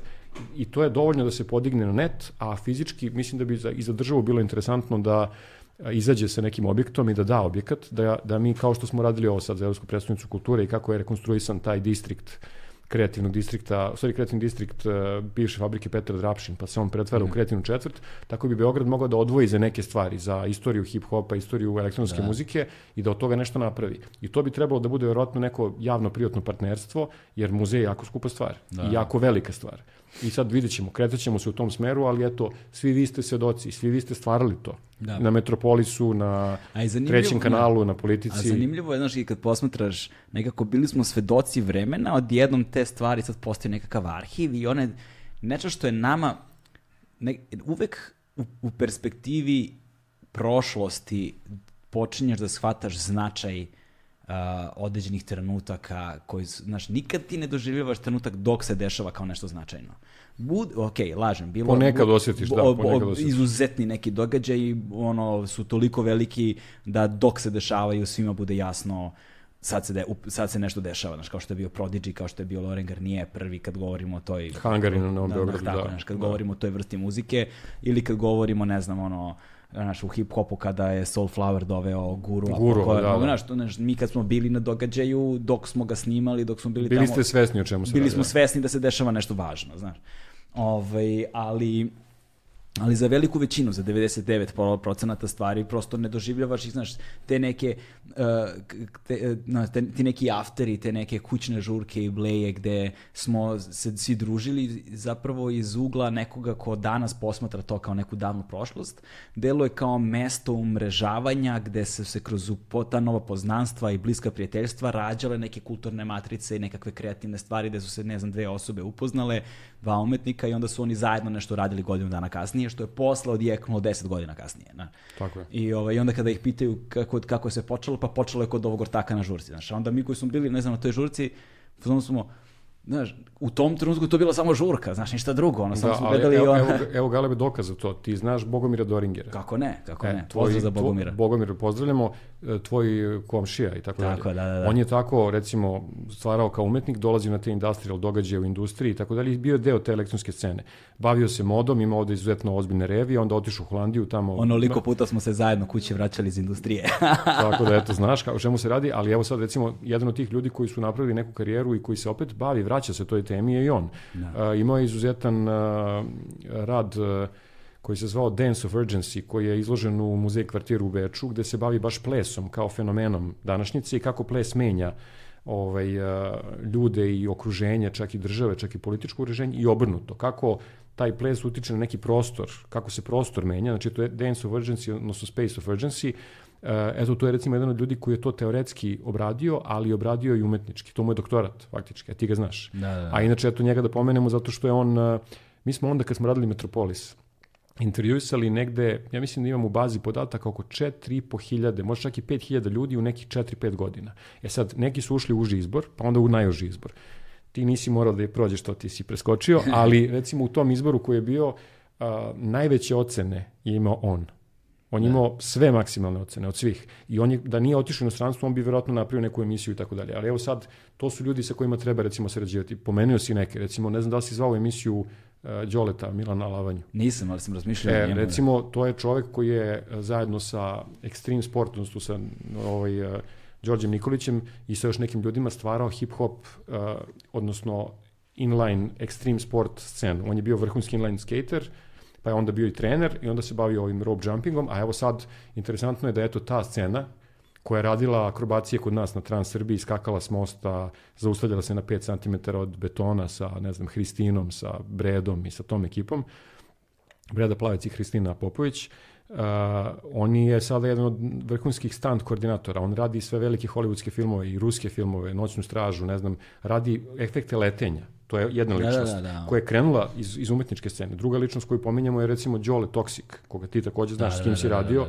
da. Uh, drum I, ono. I onoliko smo blejali na Andrićevom vencu u šopu dole. Gde, Kod njega, da. da. I kako nam je, kako nam je Đole nabavljao stvari iz inostranstva. E, bilo je to vreme kad se puno nabavljalo, a nije moralo ništa da se plati. Da, da. Vrlo interesantno. Ovaj, e, da. No, no Đole je napredovao i ovaj, bavio se produkcijom, ima fantastičan label sa ovim rankom, sa Toxic Face, on da, zove, da, odnosno da, Codex kao ekipa, Metnem se zove label, izdaju u Londonu, međutim on je napredovao ne samo u muzičkom smislu, nego je napravio ozbiljnu karijeru e, čoveka koji radi specijalne efekte za filmove, faktički composing, žive slike i animacije. Deo je tima koji je dobio Oscara i za film Jungle Book. Sad je radio sve ove najveće filmove, uglavnom je na Novom Zelandu. Ja mislim da sam vidio da radio neko King e, Konga, nešto da je tako, to evo, recimo, nešto vidite da. kakva je to ekipa, a toga ima koliko god hoćete. Postoji u tehnokratiji jedan broj ljudi koji su napravili softverske firme velike i u Americi i ovde i oni su dosta i pomagali, tako da ta kreativnost, kao i u vreme novog talasa, neki ljudi se probiju, urade to u umetničkom smislu, neki se te kasnije izraze, a na neke to bude uticaj koji je divna inspiracija koju oni prenose onda svojoj porodici ili ne znam najbližima. U svakom slučaju to vreme pamtimo kao jako dobro, gde smo, mi se nismo bavili problemima, mi smo se bavili radom. Raditi, raditi i stvoriti šta je moguće. I nema pravdanja, nego uradiš šta možeš, da. ne pravdaš se situacijom kao situacija je teška, pa situacija je teška uvek. Da. E, I eto, to je bio, to je bio taj neki e, trenutak tog vremena, ali bilo i tada je bilo loših stvari nekih. Međutim, uglavnom smo se bavili dobrim stvarima. Nama da. nije bio cilj da sad mi govorimo o lošim stvarima, nego radimo dobro, pa ovo će da ostane, neće biti popularno, neće biti da. interesantno. Kako, kako su Rage Against the Machine govorili, what better place than here, what better time than now. Znaš, to je i ovaj, kako je govorila jedna divna žena koja je meni mnogo pomogla u životu, ovaj, kad, kad god se ja njoj zahvaljujem što mi je puno pomogla u najtežim trenucima, ona meni kaže, džabe sam ja sejala ako zemlja nije bila plodna. Znaš, tako da ovaj, svi, svi ti neki ljudi, bez obzira kad su se ostvarili, ako su bile sve, sve okolnosti dovoljno dobro da se ostvare, ovaj, ta klica je bila posejana negde u to vreme. Znači, onda je to nicalo i raslo i razvijalo se u različitim smerovima. Bilo je tu jako puno ljudi koji su se oprobavali u ovome i u onome i trebalo im je vremena da pronađu ono što njima odgovara. A to je zapravo, to su oni darovi koje mi dobijemo da. i onda te darove treba da umnožavamo. E, tu si sad izrekao nekoliko rečenica koje podsjećaju na uh, monaha Kalista, koga si ti da, da meni da, preporučio, je tako? Tako je, tako da, je. Da, tako da, vidiš, a? Tako, Galebe. Tako, tako kako usmeravaš da, lepo da. razgovor tamo gde bi trebalo da ide Ovaj, pošto si pomenuo kada ste organizovali žurke za, da li za trans Serbije ili za transplant, za trans Serbije verovatno, kada dođu stranci pa se stavili, stavljali tre, srednjevekovne vitezove, tvrđave, i, tvrđave i tako dalje. Istorijske ovaj, stvari. Ti si, se, ti, si se, ti si se kasnije u životu, sad da ne ulazimo u, u prethodne ono, spiritualna putovanja, ovaj, sitne kolače na Karaburmi. ovaj, u hramovima Hare Krišne i to. A da, to, tamo sam otišao da vidim Munju. Ja sam da, ga da. upoznao i bile, bila je to jedna zanimljiva ekipa koja je puštala dobru muziku i mm. izvodila to i tamo zaista odlična hrana je bila. Da, da, sećam se, jako Sećam dobri siti kolači.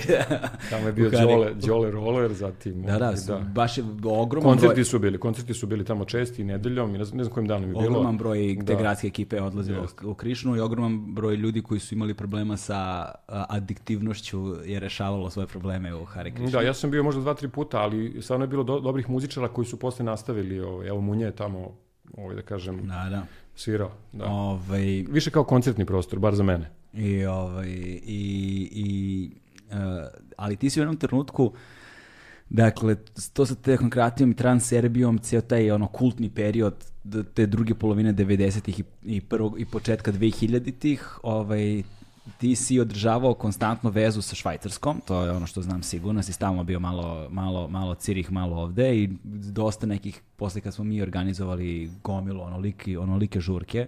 Dolazio je dosta umetnika odande. Da, da, kontakte smo stvarivali preko tebe, da. Jest, ovaj, I dan danas sam sa, sa tim nekim ovaj, ljudima prijatelji. Švajcarska je dosta jaka scena jer imaju kupovnu moć, a s druge strane vezani su bili za Ameriku, da, pa su da, da. velike hip-hop zvezde dolazile kod njih. Pozdrav za JJ-a i ekipu, da zna, znači JJ, oni, pozdrav za pozdrav, Cirih. Pozdrav za uh, Roberta za Robija, za Antoana. Da, da, da, Antoine, da, da, da, to je sad cijela ona priča koja je bila posle u vezi sa klubovima nekim koje nećemo yes. pominjati. Da. Ili možemo pominjati. ali, da. ali, bi to, ali bi ta priča odvela u drugu stranu koja, nam, koja, koja nam nije fokus ovde. Da. Ali, a, ali, mi je, ali mi je zanimljivo tvoje isto individualno, lično, lično putovanje. Pored sad svega ovoga što si radio, ti si nekako uvek se izdvajao kao osobenjak u, u celom spektru. Tebi je takav utisak, jel? Kome nije? Ajde neko ko te poznaje lično, znaš, da, da, da, nema, ta, da nema taj utisak. Nije delovalo kao da sam ja onako mirni, običan čovjek. pa da, ovaj, ajde da možemo to tako da postavimo. Um, I jednom trenutku, kada je malo to sa, sa, sa, sa elektronskom muzikom uh, se utišalo i kako si se ti prebacio na svoje privatne biznise kojima si danas, um, softverski i tako dalje, um, uh, okrenuo si se malo više i toj, uh, pa kako to da, znaš, kako to iz nekoj tradicionalnosti, duhovnosti, ne znam više kako to da definišem uopšte, samo u jednom trenutku znam da si ti počeo se, da radiš sa ovim vitezovima nekim, ne znam kojim. Da, radili smo ovaj događaj i podržavamo i dalje taj događaj, to je za Vrbicu, odnosno za uh, Viteški festival za decu, Vitez Fest. Znate svi taj događaj. To je ono na Kalemegdanu kada se okupe se roditelji i deca, pa se vrši neka vrsta rekonstrukcije i duhovne, a i, da kažem, ove istorijske tih događaja tog vremena, te odeće, tih odeždi, jednostavno oživi Beograd, kao mm -hmm. srednjevekovni Beograd. Taj događaj je zaista lep i to sam radio sa Kraljevskim redom Vitezova, to je organizacija koju su osnovali... Znam, to sam teo kažem krv, uh, krv, Kraljevski red Vitezova. Uh, pa ne, to je skraćenica neka, ali zaista se zove Kraljevski red Vitezova. da, meni, ovaj, meni je to bilo simpatično za skraćenica krv. to je, nije to skraćenica, nego je to tako ispalo, ali dobro. da, da, da. U svakom slučaju, to je recimo nešto što je opet rad sa decom i porodicama. To su da, događaji... To je Jelisaveta Karadžorđević ima već s time, da. Jelisaveta Karadžorđević, ne Jelisaveta, nego Linda Karadžorđević da. i njena deca Đorđe i Mihajlo, to su da, da, da. To, to udovica pokojnog Tomislava Karadžorđevića. Da, da, po, poznajem ih obojicu. Da. I, Jedan je dizajner, je li tako? Jeste, a drugi se bavi uh, umetničkim uh, vatrometom. Vrlo Uje. interesantno. Vrlo, vrlo interesantno. I Hadži Zoran Dušanov Mrđenović, jedan umetnik i art direktor iz Francuske, E, oni su to pokrenuli i onda u jednom periodu smo radili te događaje i evo to oni se i dalje dešavaju. Vrlo su da. lepi i na neki način su podstakli dosta ljudi da razgovaraju i razmišljaju o, o svojoj istoriji. Kad vi govorite recimo o istoriji Francuske, vi imate zamkove na Loari, a ovde imate Maglič, imate Manasiju koja opet tvrđava Golubac, Beogradsku tvrđavu i ti događaji zapravo su pokrenuli sve ovo što se sada dešava. Sad na svakoj tvrđavi se pokušava rekonstrukcija tvrđave, evo sad sam prolazio skoro pored Užica. Užice svoj srednjevekovni grad rekonstruiše i na taj način ljudi obnavljaju i tu istorijsku, ali i tu duhovnu e, notu. E sad, ovo je naravno jeste kao ti ja pričam u sobi, ali opet neka vrsta javnog je razgovora, tako da ono, onoliko koliko mogu da kažem, ja ću ti odgovoriti naravno na pitanja. Uh, ne znam, od detinstva, mene su roditelji recimo, e, ja sam e, rođen u Beogradu, ali sam proveo detinstvo u Sjenici. Mm -hmm. To je jedno malo mesto na Peštajskoj visoravni, moj otac je rodom iz sela Štavlja na Peštari, mm -hmm pozdravljam tamo rodbinu i celu ekipu, sneg je do ovde. Da, to je, ovaj, ako, ljudi ako ne znaju, znaju sigurno da je to mesto koje uvek drži rekord kao najhladniji u Evropi. U, naj, ne znam da li u Evropi. Ne, ne, stvarno u Evropi. Da. Zato što hladnije je Sibir, ali to mesto je neka vrlo interesantna anomalija. Okolo su planine i to je, planine su recimo 1800 metara, a visoravan je na 1000 metara. I onda je dole recimo minus 40, a na planinama je minus 20. Nije tako hladno. Fenomen. Ali jako zdrav kraj. E onda kad sam tamo boravio, uh, tamo sam išao u školu, prvi, drugi razred, pa smo se ponovo vratili u Beograd, uh, obilazili smo manastire i uh, moji roditelji su naravno i kršteni i živeli su u tom periodu kad to nije bilo toliko, da kažem, značajno, ali oni su rođeni još u ratu ili pre rata, dosta pokojni otac 30. godine, majka je uh, aktivna, ona je 42. godine rođena i meni je to bilo prirodno, kao zašto sam ja stavio recimo te tvrđave na, na flajere, zašto smo to radili umetnički, zato što E, boravkom u manastirima i tvrđavama uvek imaš tvrđavu koja štiti manastir, a manastir je zapravo tačka duhovnosti koja stoji u vertikali, u duhovnoj vertikali još od, ne znam, 2000 godina ili 1000 nešto godina kod nas. Dobro sam se osjećao, obilazio sam to, uglavnom smo to gledali sa istorijskog i sa umetničkog stanovišta, ali vrlo često razgovarali sa monasima i sa ljudima koji tamo borave. I to mi je bio uvek neki mir u detinstvu. I tako prolazilo je vreme, ja, ja sam se stalno tome nekako vraćao, ali u nekom trenutku i baveći se ovim poslom, e, razmišljao sam i o tom smislu svega toga. Jasno mi je bilo da omladina treba da se izrazi, ali mi je takođe bilo jasno da je mnogo bolje za omladinu da razmišlja o tome šta je zapravo kultura sa stanovišta čitanja malo šireg opsega literature, a ne samo te popularno-kulturne. Tako da recimo, evo da ostanemo u tom domenu mistike, a, mogu da kažem dva, tri naslova, pa ljude ako zanima, oni mogu da pročitaju pa da vide kako u tom svetu gledaju ovaj naš razgovor. I tvoj i moj. Recimo, ne znam, tebi možda bliska knjiga Deca apokalipse. Mm -hmm. Onda recimo Survival Kit od Serafima Rosa. To su dve recimo sa, iz Amerike knjige. A kod nas recimo Ava Justin uh, Popović, Svetoslavsko shvatanje prosvete i kulture i e, shvatanje Evrope. I kad se tako to sagleda, onda uh, može čovjek da nađe otprilike neku vrstu puta i taj put na, naravno može da razume da je u mladosti neko se bavi nekom malo ekstremnijom formom, ali zapravo svi ti mladi ljudi, oni su zapravo bogotražitelji. Oni traže nešto i sad neko to izrazi kroz umetnost, a neko shvati da zapravo traga za svojom duhovnošću sa kojom se konektovao ili se nije konektovao. Odnosno, to je naravno lično pitanje i to nije da se nekom nešto nameće ili da se priča šta bi ko trebao da radi i svako treba sam da se pronađe. Da. Tako da je to, ja sam od detinjstva tako išao i, da, i onda sam u jednom trenutku negde oko 34. 5. godine uh, se i krstio i nastavio da živim, odnosno počeo da živim koliko sam god mogao da kažem ispravno. I, to, i tako i živim i dan danas. Imam porodicu, dvoje dece. Da, ja se sećam uh, tih tvojih prvih promena ovaj, prvo si počeo da dolaziš uh, sa nekim vrlo neobičnim postovima. Koje si postovima? Pokupio. Znači, pre nego što su dijete bile popularne. A, pa to je post. Pa da, da. da ali sad ne, ali dobro, neku foru sa voćem. Šta je to bilo veše? Pa dobro, ne, ovi, evo, evo kako, kad neko radi previše, a u to vreme kad smo se bavili tom umetnošću, zaista je bilo i malo pretiranja u radu, onda je, onda je tebi potrebno malo vremena da se odmoriš i da se oporaviš. I sad, postoje klasični postovi, ono, četiri puta godišnje i sreda i petak, naravno, govorimo o pravoslavnom postu, ali ponekad zaista sam osjećao da mi je potrebno i da bude malo dublji post, mm -hmm. u smislu da budeš samo na vodi ili da, na primjer, ni ne jedeš i ne piješ ništa. E sad, tada u to vreme priznajem, ja sam malo i preterivao, a sad to ne bih radio, ne, ne, bih, ne, bih, ne bih išao, ne bih išao, mislim, ništa nije bilo nekih posledica, ali očistio sam se, odmorio sam se u smislu da se malo obnovio organizam, ali realno i tu treba imati meru, treba zapravo da to bude pravi post koji je i duhovni i uh, vezan za hranu i za uzdržavanje, a ne sad da bude cilj samo da ne jedeš ili da ne piješ. Međutim, opet, onaj ko ima blagoslov za tako nešto ili ko dobije, on zaista može postići, ti znaš, da, da postoje i monasi, postoje ljudi koji mogu da, na primjer, ne jedu i 40 dana i da, recimo, i ne piju. Ja, mislim, ja sam neke stvari radio u to vreme, ali sad više ne radim, samo odmereno. Jer zaista hrana, ne živi čovjek samo od hrane, da. nego živi zapravo od od duha.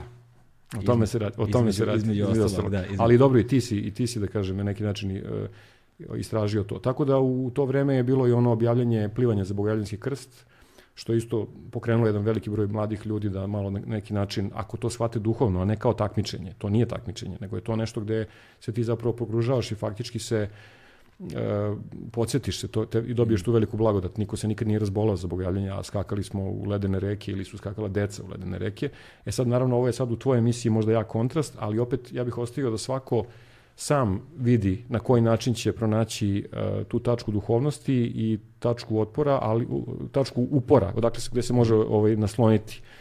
Na zbog čega te ja sve ovo pitam zapravo? Zašto mi, je, zašto mi je zanimljivo? Ne bih ulazio sada u pitanja duhovnosti i vera i uverenja, zato što je to individ, duboko individualno stvari i malo je besmislena za Tako ovakvu je. vrstu razgovora. Imam plan da dovodim goste koje, sa kojima bih, koji su... Ono, koji su duhovni, da. Mi ne, smo ne, obični ne, ne ljudi. Ne, duhovni, da. nego ljudi koji se profesionalno bave istorijski, književno da, da. tim temama, ovaj, sa kojima bih razgovarao o tim nekim temeljima koji su postavili takozvano judeo-hrišćansko nasledđe u kojem mi zapravo hteli ili ne da priznamo živimo i postkolonialističko i ovako i onako i onda da govorimo o tim nekim stvarima, ali to je druga tema za neke druge razgovore, neko mi je više zanimljivo zato što si ti u jednom trenutku uh, otišao na Hadžiluk, je tako? Dva puta, dva da, puta si bio. Da, to je hodočešće na svetu zemlju, u svetu zemlju tako. zapravo, naravno, priprema. Zanimam to iskustvo. Znači, to, odlazak, št, kako to izgleda, šta se tamo doživi, šta sve vidiš, ono, da mi da oslikaš, da, da mi oslikaš kako izgleda to jedno putovanje to su, to su možda najveći trenuci u životu koje čovjek može da doživi, ako uopšte ima tu šansu da doživi. Nekada davno, ako se sećate, recimo odavde, pet generacija se spremalo da jednog čoveka pošalje e, na magarcima ili na konjima na putovanje koje je trajalo nekoliko meseci, dođu u Jerusalim i da se poklene svetim mestima, odnosno uh, svetim mestima Palestine, uh, gde je Hristov grob, gde je bogorodični grob i mestima iz Biblije, gde su se odigravali određeni događaji. I ti ljudi koji su išli na ta putovanja, naravno sa blagoslovom, prethodno pripremajući se i uz blagoslov lokalnog sveštenika i vladike, su i postili i težili da to bude njima na dobrobit, da prime tu blagodat koja se zaista prima tamo kad dođete.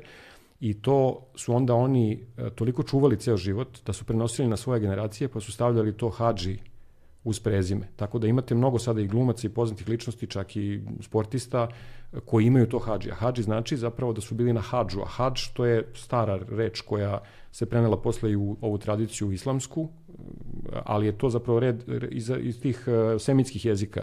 Koren, što znači da je neko hodočasnik, da je bio na na, na, Na hod- Hadžiluku. na Hadžiluku, na hodočasnik, hodočasništvu. I ovaj, uh, kad odete tamo, vi ste zapravo kao da ste se vratili 2000 godina unazad, a zapravo shvatite A da se sad- ništa nije promenilo. Znači, tih 2000 godina ne znači ništa. Isto, Samo- samo- isto, samo- isto je tu, i pazi ovako, Galebe, isto je tu vojska naoružana koja čuva nešto. Isto su tu strahovite tenzije. Ta mesta su mesta velike blagodati, ali i velikog sukoba. Znači, e, kuva, bukvalno ne eksplodira, ali strahovito kuva. E, meni je iskustvo tamo bilo izuzetno jako, ima dosta tamo i naših ljudi, i ima ljudi koji, su, koji, su, koji se potpuno promene kada odu tamo. Uh, I posle naravno mnogo drugačije možda sagledaš, jer o čemu se radi? Mi sad učimo nešto, bavimo se nekim školama, imamo neko iskustvo, imamo profesore i mi mislimo da ćemo umom doseći uh, spoznaju, je li tako? A zapravo ti dobijaš blagodat da rasuđuješ. Ti možeš biti magistar ili doktor nuklearne fizike, a pogrešno nešto protumačiti. Ali ovde kad dobiješ tu blagodat, to, to su kratki trenuci blagodati, onda posto molitvom i po blagodati, možda ne svojim trudom, onda ti imaš trenutke rasuđivanja. E tako kad priđeš nekom svetom mestu, ti dobiješ trenutke rasuđivanja. E sad neki od trenutaka rasuđivanja koje sam ja tamo doživao su bili recimo da a, sam imao podsticaj da odem da vidim recimo Kosovo. Bio sam na Kosovu ranije, Kosovo i Metohija, ali kad sam posle toga otišao na Kosovo, ja sam imao isti osjećaj. Istu takvu snagu e, svetog mesta za, za sve, ne, ne za jedan narod, nego za uopšte, za, za ljude, posjeduju ta sveta mesta. Jer o čemu se tu radi? To su hiljade godina, to su stotine e, ljudi koji su se molili, koji su živeli za to da duhovno se uzdignu i da pomognu drugim ljudima. Govorimo o naštu koje je tamo živelo ili koje sad tamo živi. Tako da iskustvo je jako individualno, ali ko može i ko, koga to zanima, bilo bi dobro da ako može ode na jednom u životu, da ode na, na, na hodočešće u svetu zemlju. Da, ali za razliku, to sam teo da te pitam, ovaj, za razliku od e, davnina, sigurno nisi na Magarcu išao tamo, znaš, kako, Ne, ovo je, kako je izgledalo putovanje. ovo, je, ovo je, da, ovo je malo drugačije. Ide, se- ide se, naravno, prvo se dobije blagoslov lokalnog sveštenika, pa onda smo dobili od patrijarha ovaj blagoslov i otišli smo kao organizovana grupa koju vodi duhovnik, jer vi na tom putovanju možete imate velike iskušenja. Velike iskušenja. Da ljudi koji se jako dobro slažu ili koje sretnete da takvi nastanu sukobi ili da takve nastanu eksplozije gde se ljudi zapravo promene ili, ili sukobe. I onda vas duhovnik na neki način vodi i dođete tamo na aerodrom, slećete u zemlju koja je visoko militarizovana i koja čuva sve to. Znači, jedno, jed, jedne, na jedan način izgleda Tel Aviv, a na drugi način izgleda recimo prelaženje granica zidova, pravih zidova, koji su kao zidovi naoružani ljudi sa automatima čuvaju prelaze, tako izgleda to. I u istom trenutku viđate te zgrade iz tog vremena, grobove, crkve, gde ljudi zaista više ne obraćaju pažnju na to koje je to vreme, jer je to sve isto. Vi ste u večnosti, tamo ste u večnosti. I e, recimo ima par slučajeva i ti znaš neke ljude koji su bili sa mnom, koji kad su se vratili, njima je toliko jak udar bio, da oni recimo kad su došli na aerodrom u, u Jerusalimu, da ne imenujem ko je to bio, on, njega su udarile tako reklame i taj, taj uh, konzumeristički način života da, na primjer, nisu mogli da izdrže. Da su se bukvalno nisu mogli da rade svoj posao godinama jer su razmišljali o suštini svog posla. Da li je taj posao prevara? Da li je taj posao baziran na laži? Šta je marketing? E, Ne, ne, ne postoji osoba na koju to ne utiče. Neki ljudi su posle nastavili da misionare i ceo svoj život posvetili tome, e sad naravno treba naći meru. Ako živite u ovom svetu, vi se onda trudite da imate neki posao za koji imate dara, za koji imate blagoslov da ga radite i radite ga skromno i mirno. Ja se tako trudim i da radim. E, zato u nekom periodu pre svega ovoga nisam imao neš, nešto više interesovanja da radim na televiziji. Jeste veliko opterećenje slava i znaš ti sam. Nije sad neka bila slava, ali je pritisak taj da ne možete da funkcionišete kada svi znaju na ulici i pitaju vas sto puta za nešto. I onda postavlja se pitanje šta vi radite, šta, kakvu poruku vi šaljete. Tako da je meni još tamo negde 2004. 5 sećaš se, nisam više htio da se pojavljujem, nego sam radio sa vama koji su te mladi da vi radite, opet upozoravajući vas na neke stvari. I lagano i sam izašao iz televizije, izašao sam iz, eh, ne, ne mislim da je televizija loša, nego samo treba imati cilj koji hoćeš da ostvariš. da, to je, znaš, to mi... Za, za, za, Kao što ni internet nije loš, Da, kao, što ni, ovo- kao što ni žurke nisu loše, ali žurke kao ostaješ celu noć, pa Da. ne spavaš. To kao način života nije dobro, a to ja nikad nisam ni voleo. Zato smo uvijek pravili događaje u prostoru, u prirodi i tako to. Tako da jednostavno, eto, sad sećam se svega toga i vidim šta je bilo pozitivno, šta nije bilo pozitivno i naravno uvek bi upozorio na ono što je negativno, ali ljudi opet treba sami da vide šta bi radili. Zato sam rekao ove dve knjige. Reću još dve knjige, samo ako nekog zanima. Jedna je propast pravoslavno, pravo, Vladimir Moss, Pad pravoslavne engleske. Knjiga je interesantna da se pročita i još dve knjige. Uh, Stara Srbija, drama jedne civilizacije Slavenko Terzić, to je vezano za našu, mm. našu istoriju i možda Istorija Vizantije od Ostrogorskog. Znači, neke od tih knjiga se vjerojatno ti dotakao. Za istoriju Vizantije sam dotakao, ovo ostalo nisam ni čuo. Da, ali ovaj, eto, ko gleda ovo može da, da pogleda, to može sad na netu i malo brže da se pogleda. Recimo, te knjige su interesantne da čovjek malo sagleda i sa druge strane gde živi, pa sam će doneti, doći do nekog zaključka. Da, na, i to da sam ne... dotakao preko kuma, jer on veliki ljubitelj Vizantije. Viza... I, e, pa da, da, moguće. Ovaj, nego, o, zašto, mi, zašto mi se ovo zanimljivo? Zanimljivo mi je zato što Uh, znaš, meni u, iz mog ugla, mene tada, dakle govorimo o meni pre 20 godina, to Tako je doslovno paralelni univerzum, to je ne prethodni život, nego kao šest prethodnih života. Ovaj, kada posmatram sebe iz tog perioda, tek sada sa ovim vremenskim on, otklonom i emotivnim otklonom i sa svim iskustvima, sa svim usponima i padovima, mogu da vidim sebe donekle objektivno, ona, dakle da vidim sebe u široj slici nego što sam tada. Tada je pogled bio dosta sužen, moji kapaciteti su bili dosta suženi i moja artikulacija misli je bila vrlo ograničena. Ovaj, bio sam možda dobar u razumevanju ono, hip-hop kulture, ali ma, van toga ovaj, je bilo teško. I sada kada posmatram, znači, veoma je, kako bih to rekao, veoma je, veoma je zeznuto zato što uh, kad vidim recimo nekoga dosta mlađe, ko sad prolazi kroz slične faze i prepoznajem sebe, na primjer, u svemu tome. Još jedna stvar je užasno teška, što možeš samo da posmatraš. Zato što a, kada vidim, kada prepoznam sebe, onda prepoznam još jednu osobinu, to je da ako probam nešto da objasnim, bit će doživljeno kao agresor i ne, ću na otpor. I znaš tačno gde su greške i znaš da će se saplete, da će padne, da će da najebe. Ovaj, ali da to prosto mora da se desi. I da sad ti ostaješ samo kao svedok da posmatraš sa strane i kao da se nadaš najboljem, znaš, jer nisu svi udarili glavom u zid i na kraju bili okej, okay, znaš, to je, to je zabluda je. Da, ali, ali Galebe, znaš u čemu je poenta? Poenta je da ako ti imaš taj mir i tu blagodat, oni će ti verovati. Da. I poslušat će te. A ako nemaš, I šta ti treba da radiš? Ti treba da se trudiš da ti stalno budeš u miru mm. i radosti u ovom životu, ako je to moguće. I onda sve što ti nekom kažeš, on će to primiti, jer inače neće primiti. Evo, zbog čega si ti mene nešto slušao na, na televiziji? No. Da. Kakve ja veze imam sa hip-hop kulturom ili ne znam sa bilo čime? Ti si sudio na osnovu svega, pa si prosudio, nešto si prihvatio, nešto nisi prihvatio, to je logično.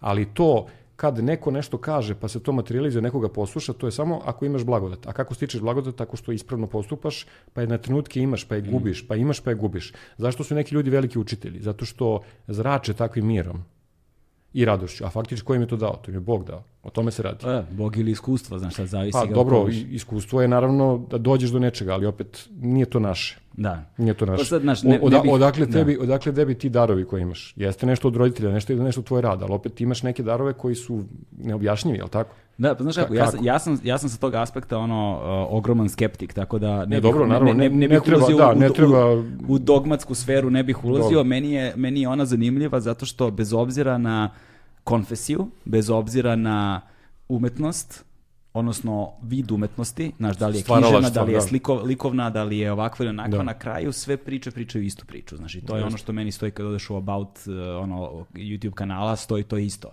Znaš, najstarija priča na svetu je mito potrazi. I čovek od kako postoji on traga. Znaš, sad može, može traga prostorno i može traga unutrašnjem. Vrlo često su te dve stvari iste, znaš. Dobro. Vrlo često mi idemo kroz neki fizički prostor da bismo otkrili nešto u sebi, znaš, ili saznali nešto novo i odeš da bi se vratio. Je tako? Znaš. I, ovaj, i, i zapravo i sva ta kultura, i underground kultura, i, uh, i sve te subkulture, i, i sva ta naša iskustva, i sve te žurke, i sva te zezanja su opet negde, koliko god na, nategnuto i da, na dalekom štapu delovale, su opet potraga za nekakvim identitetom, za nekakvim pripadanjem, za...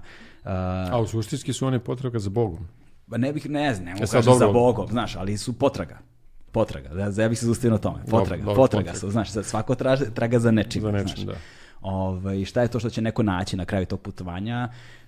To je, on, to je ono gde smo mi svi ljudi, znaš, 20 godina kasnije ljudi se sre, sreću u jednim potpuno nekim sumanutim verzijama svojih života. Nekada smo imali jednu tačku u prošlosti koja nas je sadržala na tom mestu, a pogledaj na sada, znaš. Da, ali vidiš Galebe, koja je tvoja odgovornost? Znači ti si tad radio i gradio si scenu. Onda si jedno vreme uh, promovisao i ove kovečio neko vreme, a sad ovo što radiš, ovo je bukvalno ovo što radiš, ovo će biti snimljeno i za 20-40 godina ovo će biti istorija ovi razgovori, da. E, zapravo opuštenost, to što možeš da izvučeš od ljudi, taj dar koji imaš, će biti ne proučavan, nego će biti koristan nekome, možda i u duhovnom smislu. Ko zna, možda, jer, jer da. gledalo sam neke tvoje razgovore, to ima, ima trenutka gde se ljudi stvarno opuste. Mm. Ima razgovore gde razgovaraju s tobom, negde su drugari, ali mislim da ćeš i ti tek za jedno 20 godina videti kakav je efekat. Da, nemam predstavu nikakvu, da. znaš, ono, ne, mogu, ne mogu da tvrdim ništa, ali mi je zanimljivo da razgovaram sa najrazličitim ljudima i veoma mi je važno da uh, um, taj spektar ljudi bude što širi. Zato što mislim da što je širi spektar ljudi, to se onda jasnije vide zajednički elementi koji nas čine ljudima. Zna, Jeste, za... i važno je da ti ne osuđuješ. Ne, ti, ne, ti ih puštaš i sad Tako I to je. je isto važno. Zašto bi mi osuđivali nekog? Apsolutno, to je, na, mnogo mi je teško bilo da naučim da ne osuđujem. Zna, pa, Sudim, si... ali ne osuđujem. Dobro, kad si mlad imaš veliku energiju i onda, znaš, Boriš, o, boriš se sa tom energijom, da. Pa sad, sad nekako kao da su se stvari malo krenule, znaš, ta vrsta isključivosti, ali to je, to je relativno nova stvar, znaš, znači to je kod mene počelo da se dešava pre svega nekoliko godina, znaš, nije to bilo pre, ne znam, pred 15 godina sam ja popio neku pamet i šta ti ja znam, nego prosto stvari počinju da se usporavaju, posle silnih iskustava i padova počinješ da se polako zaustavljaš, povlačiš ručnu kočnicu, aj sad ne moram i 178. put glavom kroz zid, nego aj se zaustavim pa da promislim da li sam na svih onih 178 prethodnih iskustava ipak nešto naučio, znaš. Ove, ovaj, I onda počneš da osvetljavaš probleme, iste probleme, počneš da osvetljavaš polako iz jednog novog ugla, a onda ti se onda oni otmotavaju i otkrivaju na jedan novi način.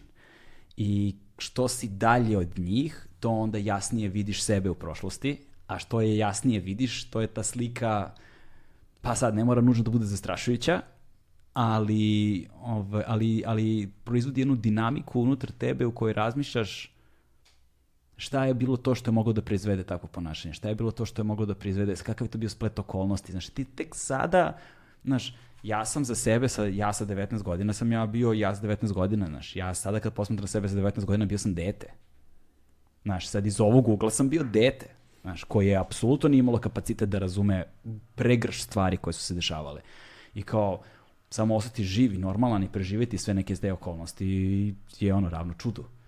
Jeste. Znaš, doslovno ravno čudo. Moraš da imaš sreće da bi, da, da bi se probio kroz sve to. I onda, mi, I onda su mi zanimljive tako neke figure koje su uvek postojale u našem društvu, kao što je Lale bio, kao što si ti, znaš, kao što u svaka, svake generacije ima te neke svoje predstavnike koji su bili kao neki svetionici koji su stajali, koji su znaš, radili nešto, ali su ipak osvetljavali nekom dodatnom energijom ovaj, celokupnu stvar koja je onda tu stvar činila nekako smisleno. Znaš, ljudi su a, gravitirali a, njima, okupljali da, su neke ljude oko sebe. Da, ali pazi, sad si ti u toj poziciji. Pa ne I sad, znao. I sad imaš, tu, sad imaš tu odgovornost, ali ne, ne opterećujete ta odgovornost, nego imaš odgovornost sad, ti sa drugog stanovišta to da. radiš. To je to. No, ona je sad posredovana možda preko interneta, dobro, pa ja nemam, dobro. nemam, nemam objektivan osjećaj, znaš, jer sedim, da. sedim sa ovom dvojicom ovde po ceo, po ceo dan, znaš kao. Montirate, prebacujete. Da, da. to, znaš, i onda, i onda drugačije izgleda ovde ta, ta, ta atmosfera, znaš. Da. Ovaj, da se vratimo sad malo na, na, uh, na, na celokupnu tu elektronsku muziku i ono što je uh, možda ljudima barem ovim, ovim starijim generacijama daleko zanimljivo, zanimljivije možda. Ovaj, Transerbije su uh, definisale prosto jedan period i bilo je tu i drugih i sećam se i Lala je tad pokušavao da pravi te naše verzije uličnih parada koje se nisu baš ono, nisu se baš slavno završavale, ali uh, su, svi ti događaji su bili kontrast uh, stvarnosti nekoj koje smo tad živeli. I čak ja, ja mislim da sam to pominjao možda čak i onom od prvih, prvih podcasta razgovoru sa Tijanom ili tako nešto, imam prijateljicu koja je pisala da li magistarski ili doktorski rad upravo uh, um, a, plesom do bekstva, ili tako nešto, kako, kako je zapravo plesna kultura bila eskapistička kultura represivne sredine, eskapistička kultura mladih u represivnoj zajednici u kojoj, kojoj se živjelo. Kako nekako su klubovi bili ta mesta gde sve što se dešava u tom životu lepo okačiš ispred onog sa, sa kaputom u garderobi, ono, ostavljaš i ulaziš na jedno uslovno rečeno sveto područje gde sad više nikakva pravila ne važe. I celokupna ono demonizacija je različitih uh, u, u, u, i manjinskih grupa i, znaš, i rodnih uloga i ovoga i onoga u klubovima, posebno na elektronskoj muzici nije postojalo. To je tačno. Ali šta hoću da kažem, to je interesantna teorija, ali ona teško dokaziva. Da. Jer je ona, kako da kažem, ona jeste stvarno...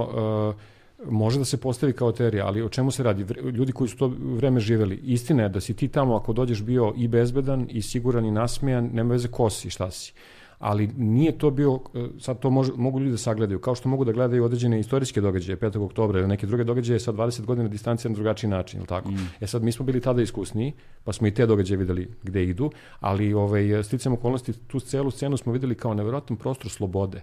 Tako je. Slobode. E sad, kako, ti, kako da objasniš, navodno imaš represivno društvo, navodno si pod sankcijama, odnosno jesi pod sankcijama i kao tu slobodu imaš. Jel imaš ti sad tu slobodu?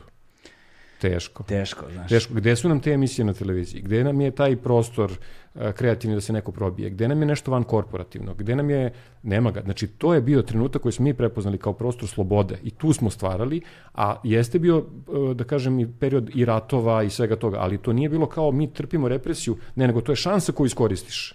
Tako se dešavalo i u mnogim umetničkim uh, pravcima i nadrealizmu i nekim drugim pravcima koji se dešavaju ili u pred rat ili posle rata i dođe do nekog prodora jer je neverovatno sloboda. Tad su popustile zapravo barijere i u medijima i na nekim drugim mestima. E sad, najmlađa publika je to videla kao ja, lo, okolo je loše, ekonomski loše, roditelji nemaju šta da jedu i sad mi bežimo u klub i njima je možda bio eskapizam, ali celoj sceni, široj sceni, to je bio zapravo neverovatan prostor slobode. E kako se ta sloboda pojavila? Pa izborili smo se za tu slobodu. Kako? Svi zajedno, i vi, Ti si znači morao da pobegneš da bi došao, morao si da kažeš da nemaš toliko godina koliko si imao. I bilo je tu i negativnih stvari, ali mislim da će tek još jedno 20 godina ta slika od 90. godinama biti malo ozbiljnija i trebalo bi ljudi da, da to istražuju da. i da pišu radove i da ne budu radovi samo na jednu stranu, kao, znate, strašne 90. diktatura i kao bežimo u klub. Da, ali 90, 90, 90% scene nije tako mislila. Da. 90% scene je uživalo u stvaralaštvu, a ovo drugo ih nije ni zanimalo uopšte. E sad, ti isti ljudi kad žive sad na zapadu ili se vratili, oni znaju kako je tamo sve zatvoreno i kako nema prolaza, ne, nema, nema mrdanja. Mm. E, zato sam pomenuo one knjige. Tako da, to je nama izuzetan prostor slobode koji treba opet da gajimo, opet treba da stvorimo. Mi treba da stvorimo taj prostor slobode. Ti si ga stvorio na internetu i neki će ga stvoriti. Imaju sada alatke koje su neverovatne, ali treba malo možda više da razmišljaju o tome da se bave uređivanjem i da pomognu tim klincima. Jer šta radi klinci? Klinci imaju sad mogućnost da na netu vide šta god hoće, ali šta oni da gledaju? Ko ih usmerava? Ko im je selektor? Ko im je editor? Toga nema. Znači, treba neki iz vaše generacije ili mlađe generacije, mislim čak ne moraš ti, ti sad imaš ovu platformu, ali mlađa generacija treba neku u generaciji da se žrtvuje i da kaže ne želim da budem poznat zbog devojčica, zbog para, zbog slave, nego želim da radim i da napravim neku platformu gde ću birati određene umetničke stvari, pa će ljudi da to gledaju. I to uređivanje stvara grozdove ljudi, klubove, klub ne mora da bude prostor fizički, nego ljudi koji nešto prate i to je, to je nešto što je zapravo rešenje za ovaj haos informacija. Znači, morate nešto da pratite, a opet, da biste mogli da pratite, vi morate da rasudite. Mm. E, to rasuđivanje je diskutabilno i ako od početka se ne krene i u tom duhovnom smislu, onda se mnogo luta i mnogo se olupa, opet može da se olupa pa da se dođe do dobrog, nije to ništa strašno. Ali evo, to je sad... Ko to, ima to je, dovoljno sreće da krene tim putem da se olupa i da izađe normalan, znaš, to je... Nije, nije lako. Nije lako, nije lako. Nije lako. Toliko, toliko veliki broj strašno dobrih i talentovanih divnih, divnih ljudi. Ti znaš, ono, ti znaš šta da, se dogodilo, da. Svašta se dogodilo e, sad, sa njima. E sad dolazimo tu, dolazimo tu do jedne tačke koja je isto, nama je bilo, meni je to bilo interesantno i kolegama koji su radili tehnokratiju, sad, zašto pominjem, ima nas deset, ali neki ne žele i od početka je to bila kao polutajna organizacija, jer vi ne znate da na primjer, direktor najveće softverske kompanije član, da je direktor jedne televizije član, da je čak osnivač, razumete, to je tako bilo, kao neka vrsta tajnog društva, ali umetničkog društva, To nije nevladina organizacija, to je umetnička organizacija neprofitna koja je faktički stvorena u inostranstvu i registrovana tamo i to nas je zaštitilo u tom političkom miljevu, faktički u Švajcarskoj registrovana. I šta, o čemu smo mi razmišljali? Mi smo razmišljali o tom stalnom sukobu između duhovnog i materijalnog. A, I ovaj, kako smo mi to protumačili? Bila je velika borba oko toga kakvo ime da se da. Znak je ovaj, ali koje ime? Mm -hmm. I izabrano je ime koje je imalo izuzetno negativnu konotaciju u to vreme. Tehnokratija, 80-ih, na 90. je i dalje u glavama starijih ljudi bila negativna pojava u socijalizmu, kao što su birokratija, tehnokratija, vladavina tehnološki sposobnih ljudi i faktički okretanje socijalizma ka uh, upravljanje inženjera ili, ili biznismena koji su inženjerski školovani. A realno, tehnokratija, kad smo ušli dublje u, u sadržaj reči, to je tehnoskratos, znači od grčkog ili od čak nekog starog, nekog pre jezika, znači vladavina veštine ili vladavina umetnosti. I to nam se učinilo kao zanimljivo, da zapravo uh, da, est, da estetika treba da vlada, odnosno da postoji uh, da tehnologija bude sekundarna, da zapravo stvaralo što bude primarno. Da. To je jedna stvar. Ka, ko su bili leva i desna ruka Zevsa? Bija i Kratos. Sila i vlast. Eto, znači, to je, e sad, šta znači ovaj znak? Ti imaš krst, i da. to jeste krst sa pravoslavnih da kažem, ornamenata i manastira, ali realno uh, ovaj znak je za nas značio zapravo uh, pravu meru između materijalnog i duhovnog. Kad ti živiš u ovom svetu, zapadni svet uglavnom gleda to kao materijalno je dominantno, duhovno je sekundarno. A mhm. ne, jedan deo istočnog sveta kaže duhovno je dominantno, a materijalno je sekundarno. I onda su ovi mistici, a ovi su kapitalisti ili su, ne znam, okrenuti materijalnom. Ali nije to rešenje. Rešenje se nalazi na ovim prostorima i u ovoj duhovnosti. Mm. A to je mera. Znači ti kad živiš u ovom svetu treba da postigneš meru između vertikale, težnje za Bogom i duhovnosti i horizontale života u ovom svetu, gde ipak moraš neke stvari da radiš. E, ta mera je zapravo taj znak, to je krst zapravo. I da. to je krst koji svi moramo da nosimo. Da, ovaj, uh, nekako zanimljivo mi je to što kada govorim, kada govorimo o toj nekoj meri, Ovaj, zapravo govorimo upravo o tim, e, ka, kao što si pomenuo za našeg prijatelja koji je imao efekat na aerodromu sa tim ono, reklamama koje su ga napale i tako dalje. To je tačka koja se svakako po, do, do, do koje se svakako dolazi u jednom trenutku ukoliko dovoljno dugo radiš ovaj posao. Ukoliko, znači, nekako ja primećujem, pa, nije nužno, ali, ali, se događa. ali pokazuje se kao pravilo neko da otprilike imaš nigde dve strane ovaj, nas koji smo tu 20 i više godina, ovaj, jedni, jedni smo ovaj, doživeli to da odjednom osjećaš zasićenje svime, i onda iz tog zasićenja pokušavaš nekako da se odvojiš, da, da, da pobegneš, ono te guši, davi. Sad nisi ti siguran št, baš do kraja šta je to što te ali guši. Osjećaš, ali osjećaš neku, neku nelagodnost. Nelagodu, nelagodu. Neku nelagodnost. I osjećaš kao da radiš nešto loše. Tako je. A kao radiš sve isto što si radio, je tako? Tako je. Znači, osjećaš, znači, i odjednom nemaš više ni snage, ne dobijaš ništa od toga, znaš. Da, znači, I zašto bi to radio, je tako? I, ta, I onda se postavlja smislenost svega toga tako i sekunde je. kad počinješ da postavljaš pitao, pitanje smisla toga što radiš, tada počinje ti se otvara zapravo besmislenost niza tih stvari, ono, tangentijskog poslovanja, života, tih, naš, odjednom sediš s nekim uh, korporativnim klijentima, svojim masonima, razgovaraš i u sred razgovora se pitaš šta ću ja ovde.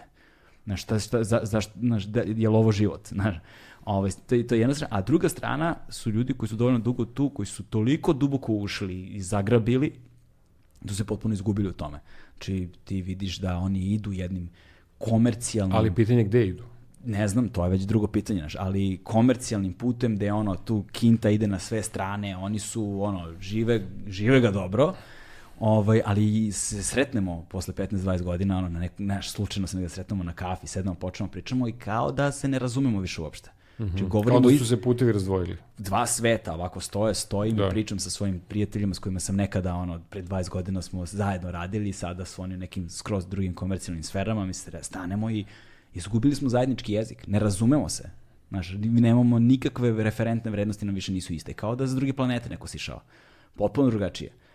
Ovaj, I kada se zapitaš uh, šta ja dajem i kome dajem i zašta dajem i šta je to što mi se vraća i da li ostavljam nešto što će imati smisla, to su dosta teški trenuci. Znači, to je trenutak kada se u životu sretnu, ono, to sam možda čak i pominjao, dve osobe sretne se, sretnu se osoba koja si postao i osoba koja si želeo da budeš. Znači, to je i u, u, u jazu između te dve osobe ovaj, se vidi sva problematika ono, odluka, života dosadašnjeg.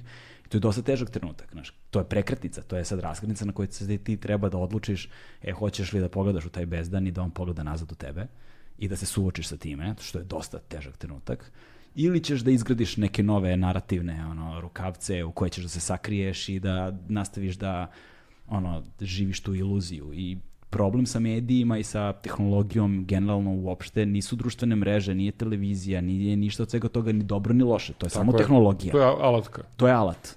I svaki alat kao i vatra, ono, dobar sluga, loš gospodar. Ove, ovaj, kakve odluke donosimo u tom svetu zavisi kako će one da nas služe ili kako ćemo da im robujemo. I to je ono gde je problematizovan prostor za kreiranje kulture. Jer mi imamo svu tehnološku dostupnost ovoga sveta danas u odnosu na vreme, to vreme slobode o kojem uslovno govorimo, ali se ništa od svega toga ne dešava. Zato što fali ono što, što, smo, što sam ja sa, sa svojim uh, kolegom, bivšim Danielom i sa drugim, drugim, drugim ljudima pominjao, nedostaje ti selektor, nedostaje ti urednik. Znaš, to je ono što je moć televizije danas, iako je tehnološki kao medijum apsolutno prevaziđena. Koliko puta, uh, to je ono što je moć radija, iako je tehnološki apsolutno prevaziđen.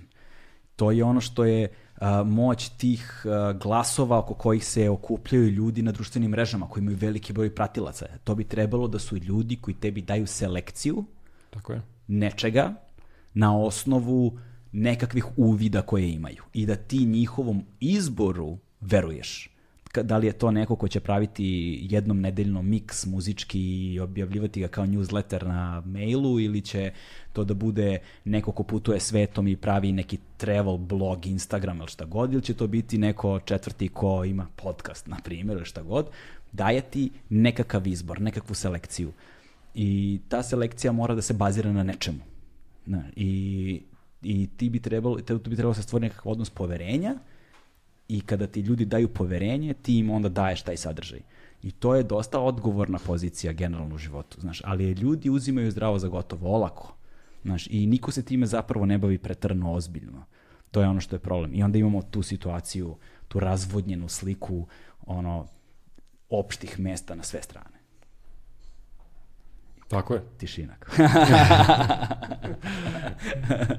znaš, I zato, i, znaš, sad, i, zato sad kad ra, razmišljam tim hodom unazad ovaj, i posmatram sve te neke turbulentne tačke u razvoju i sebe i televizije i medija generalno, onda se pojavljaju ponovo ti neki ljudi na koje si povremeno čak i zaboraviš i onda ti se samo vrate onako sa dna zaborava izrone i shvatiš, u jebote, vidiš čoveče, nije to ništa bilo tako glupo i tako banalno i tako jednostavno kako je delovalo u tom trenutku. Znaš, i taj Metropolis mali, i tvoja pozicija i znaš, ostavilo, ostavilo je čoveče neki trag, znaš. Mnogi ljudi su se pojavili tada ovaj, koji su i dan danas tu prisutni. Jeste, Metropolis, e, mi kad se sad dotičemo na kraju razgovora, ali e, Metropolis je isto jedna od faza. Znači, prva faza je bila to, kao, bar u mom životu je bilo to, ne znam, bavljenje muzikom, muzička škola, treniranje košarke, škola, programiranje i tako to. Onda je taj DJing, pa VJing, pa onda vraćanje u Srbiju, pa treći kanal, pa onda od trećeg kanala cela tehnokratija, radio politika, svi moguće radio stanice, TV stanice sa emisijama i puno događaja putovanja, turneje, e, snimanje događaja po svetu, saradnja sa MTV-em, MSM-om i na kraju e, otvorila se isto jedna mogućnost, e, bukvalno u tom prevratu koji se dogodio, u tom državnom udaru, 2000. godine, da se napravi kompletna muzička televizija o kakvoj smo sanjali. I zapravo smo napravili malu muzičku televiziju Metropolis, prvo jedan čovjek bio Mita, pa Zec i ja tri čoveka, pa onda lagano do 70 ljudi kad si ti bio i zaposlenih i koji su primali plate, neki dobili stipendije i tako dalje. Našli smo inferencijera koji je donekle uticao, donekle nije uticao i stvorio se jedan, jedan prostor gde su mladi ljudi mogli da relativno brzo uče, uđu u to, budu malo zaštićeni i stvore nešto. I neki su to upotrebili za stvaranje svojih platformi, kao neki od vas, neki za stvaranje svojih scena. Recimo mogu da kažem da vaša ekipa je stvorila hip-hop scenu, tehno je već bio veliki, tu nismo nešto mnogo morali da guramo, ali rock se ponovo javio i taj alternativni rock kroz tu platformu, jer tu je bilo par ljudi koji su to gurali. I onda taj Metropolis je isto kao, kao što je bila tehnokratija, kao što je bio treći kanal, Metropolis je bio jedan period u životu. Tu je recimo Paja Skater pravio čuvanu emisiju Ne znam di teram. Konstantin Nenadov koji sad ima fantastičan game show na, o igricama na, na YouTube-u, ovaj, on je imao tu emisiju uh, o igrama. Uh, da, zborio sam kako se zvala ta igra. Stalno pokušam da se setim, ali nikako, nikako da se setim ne mogu tačno se setiti. Nije, nije da, važno sad. Ali nije, onda, i u svakom slučaju, to je bila platforma gde se moglo stvarati... Zoran Kesić je tu imao svoje emisije Kesić prve. smo, da, doveli smo ga posle njegove faze na studiju B i na, mm. i na B92, ali, ali... ali ga nisu razumeli, razumete? E, tu mu je data šansa u smislu, on će sam to ispričati, imao je priliku da faktički radi takve eksperimente kakve ni posle nije bilo. I ja se sećam jednog trenutka, možda smo zajedno bili.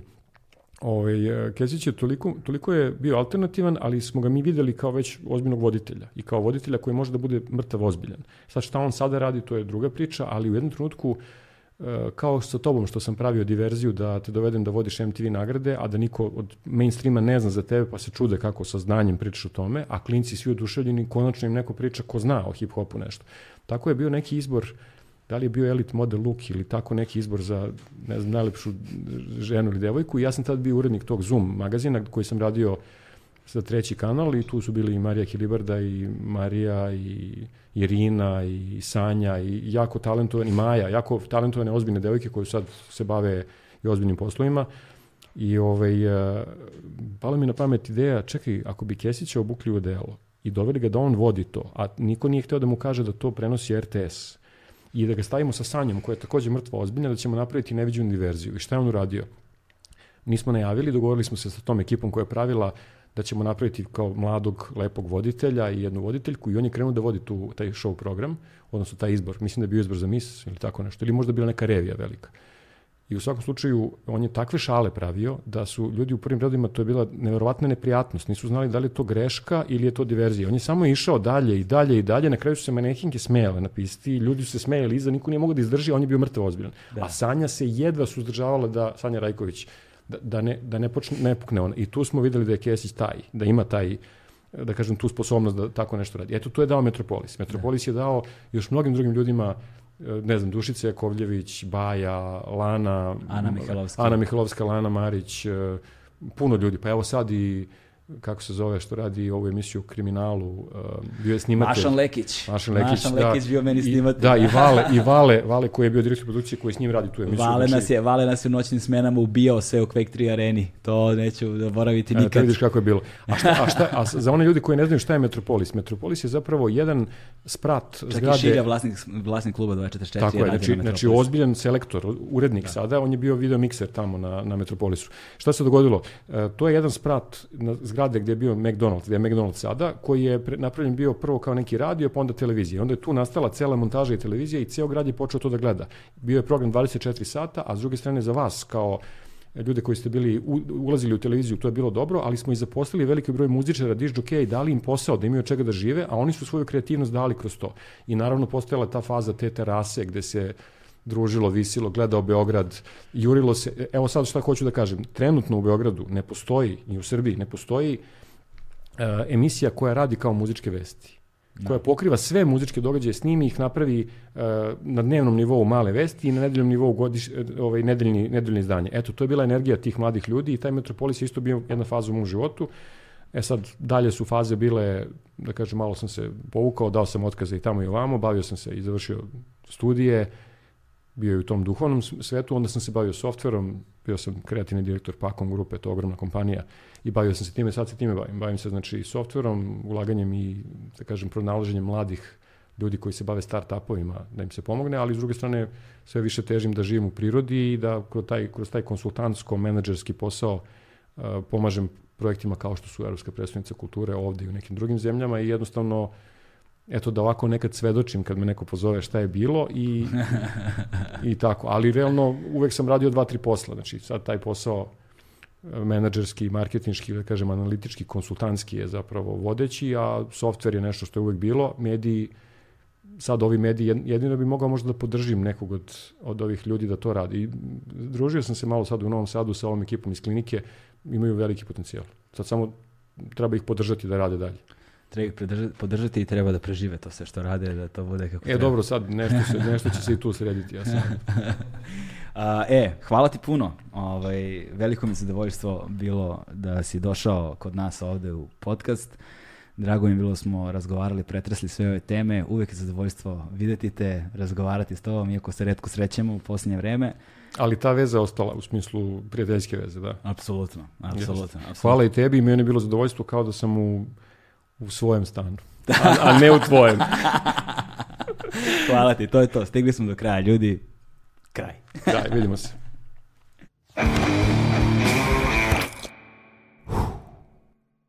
Hmm.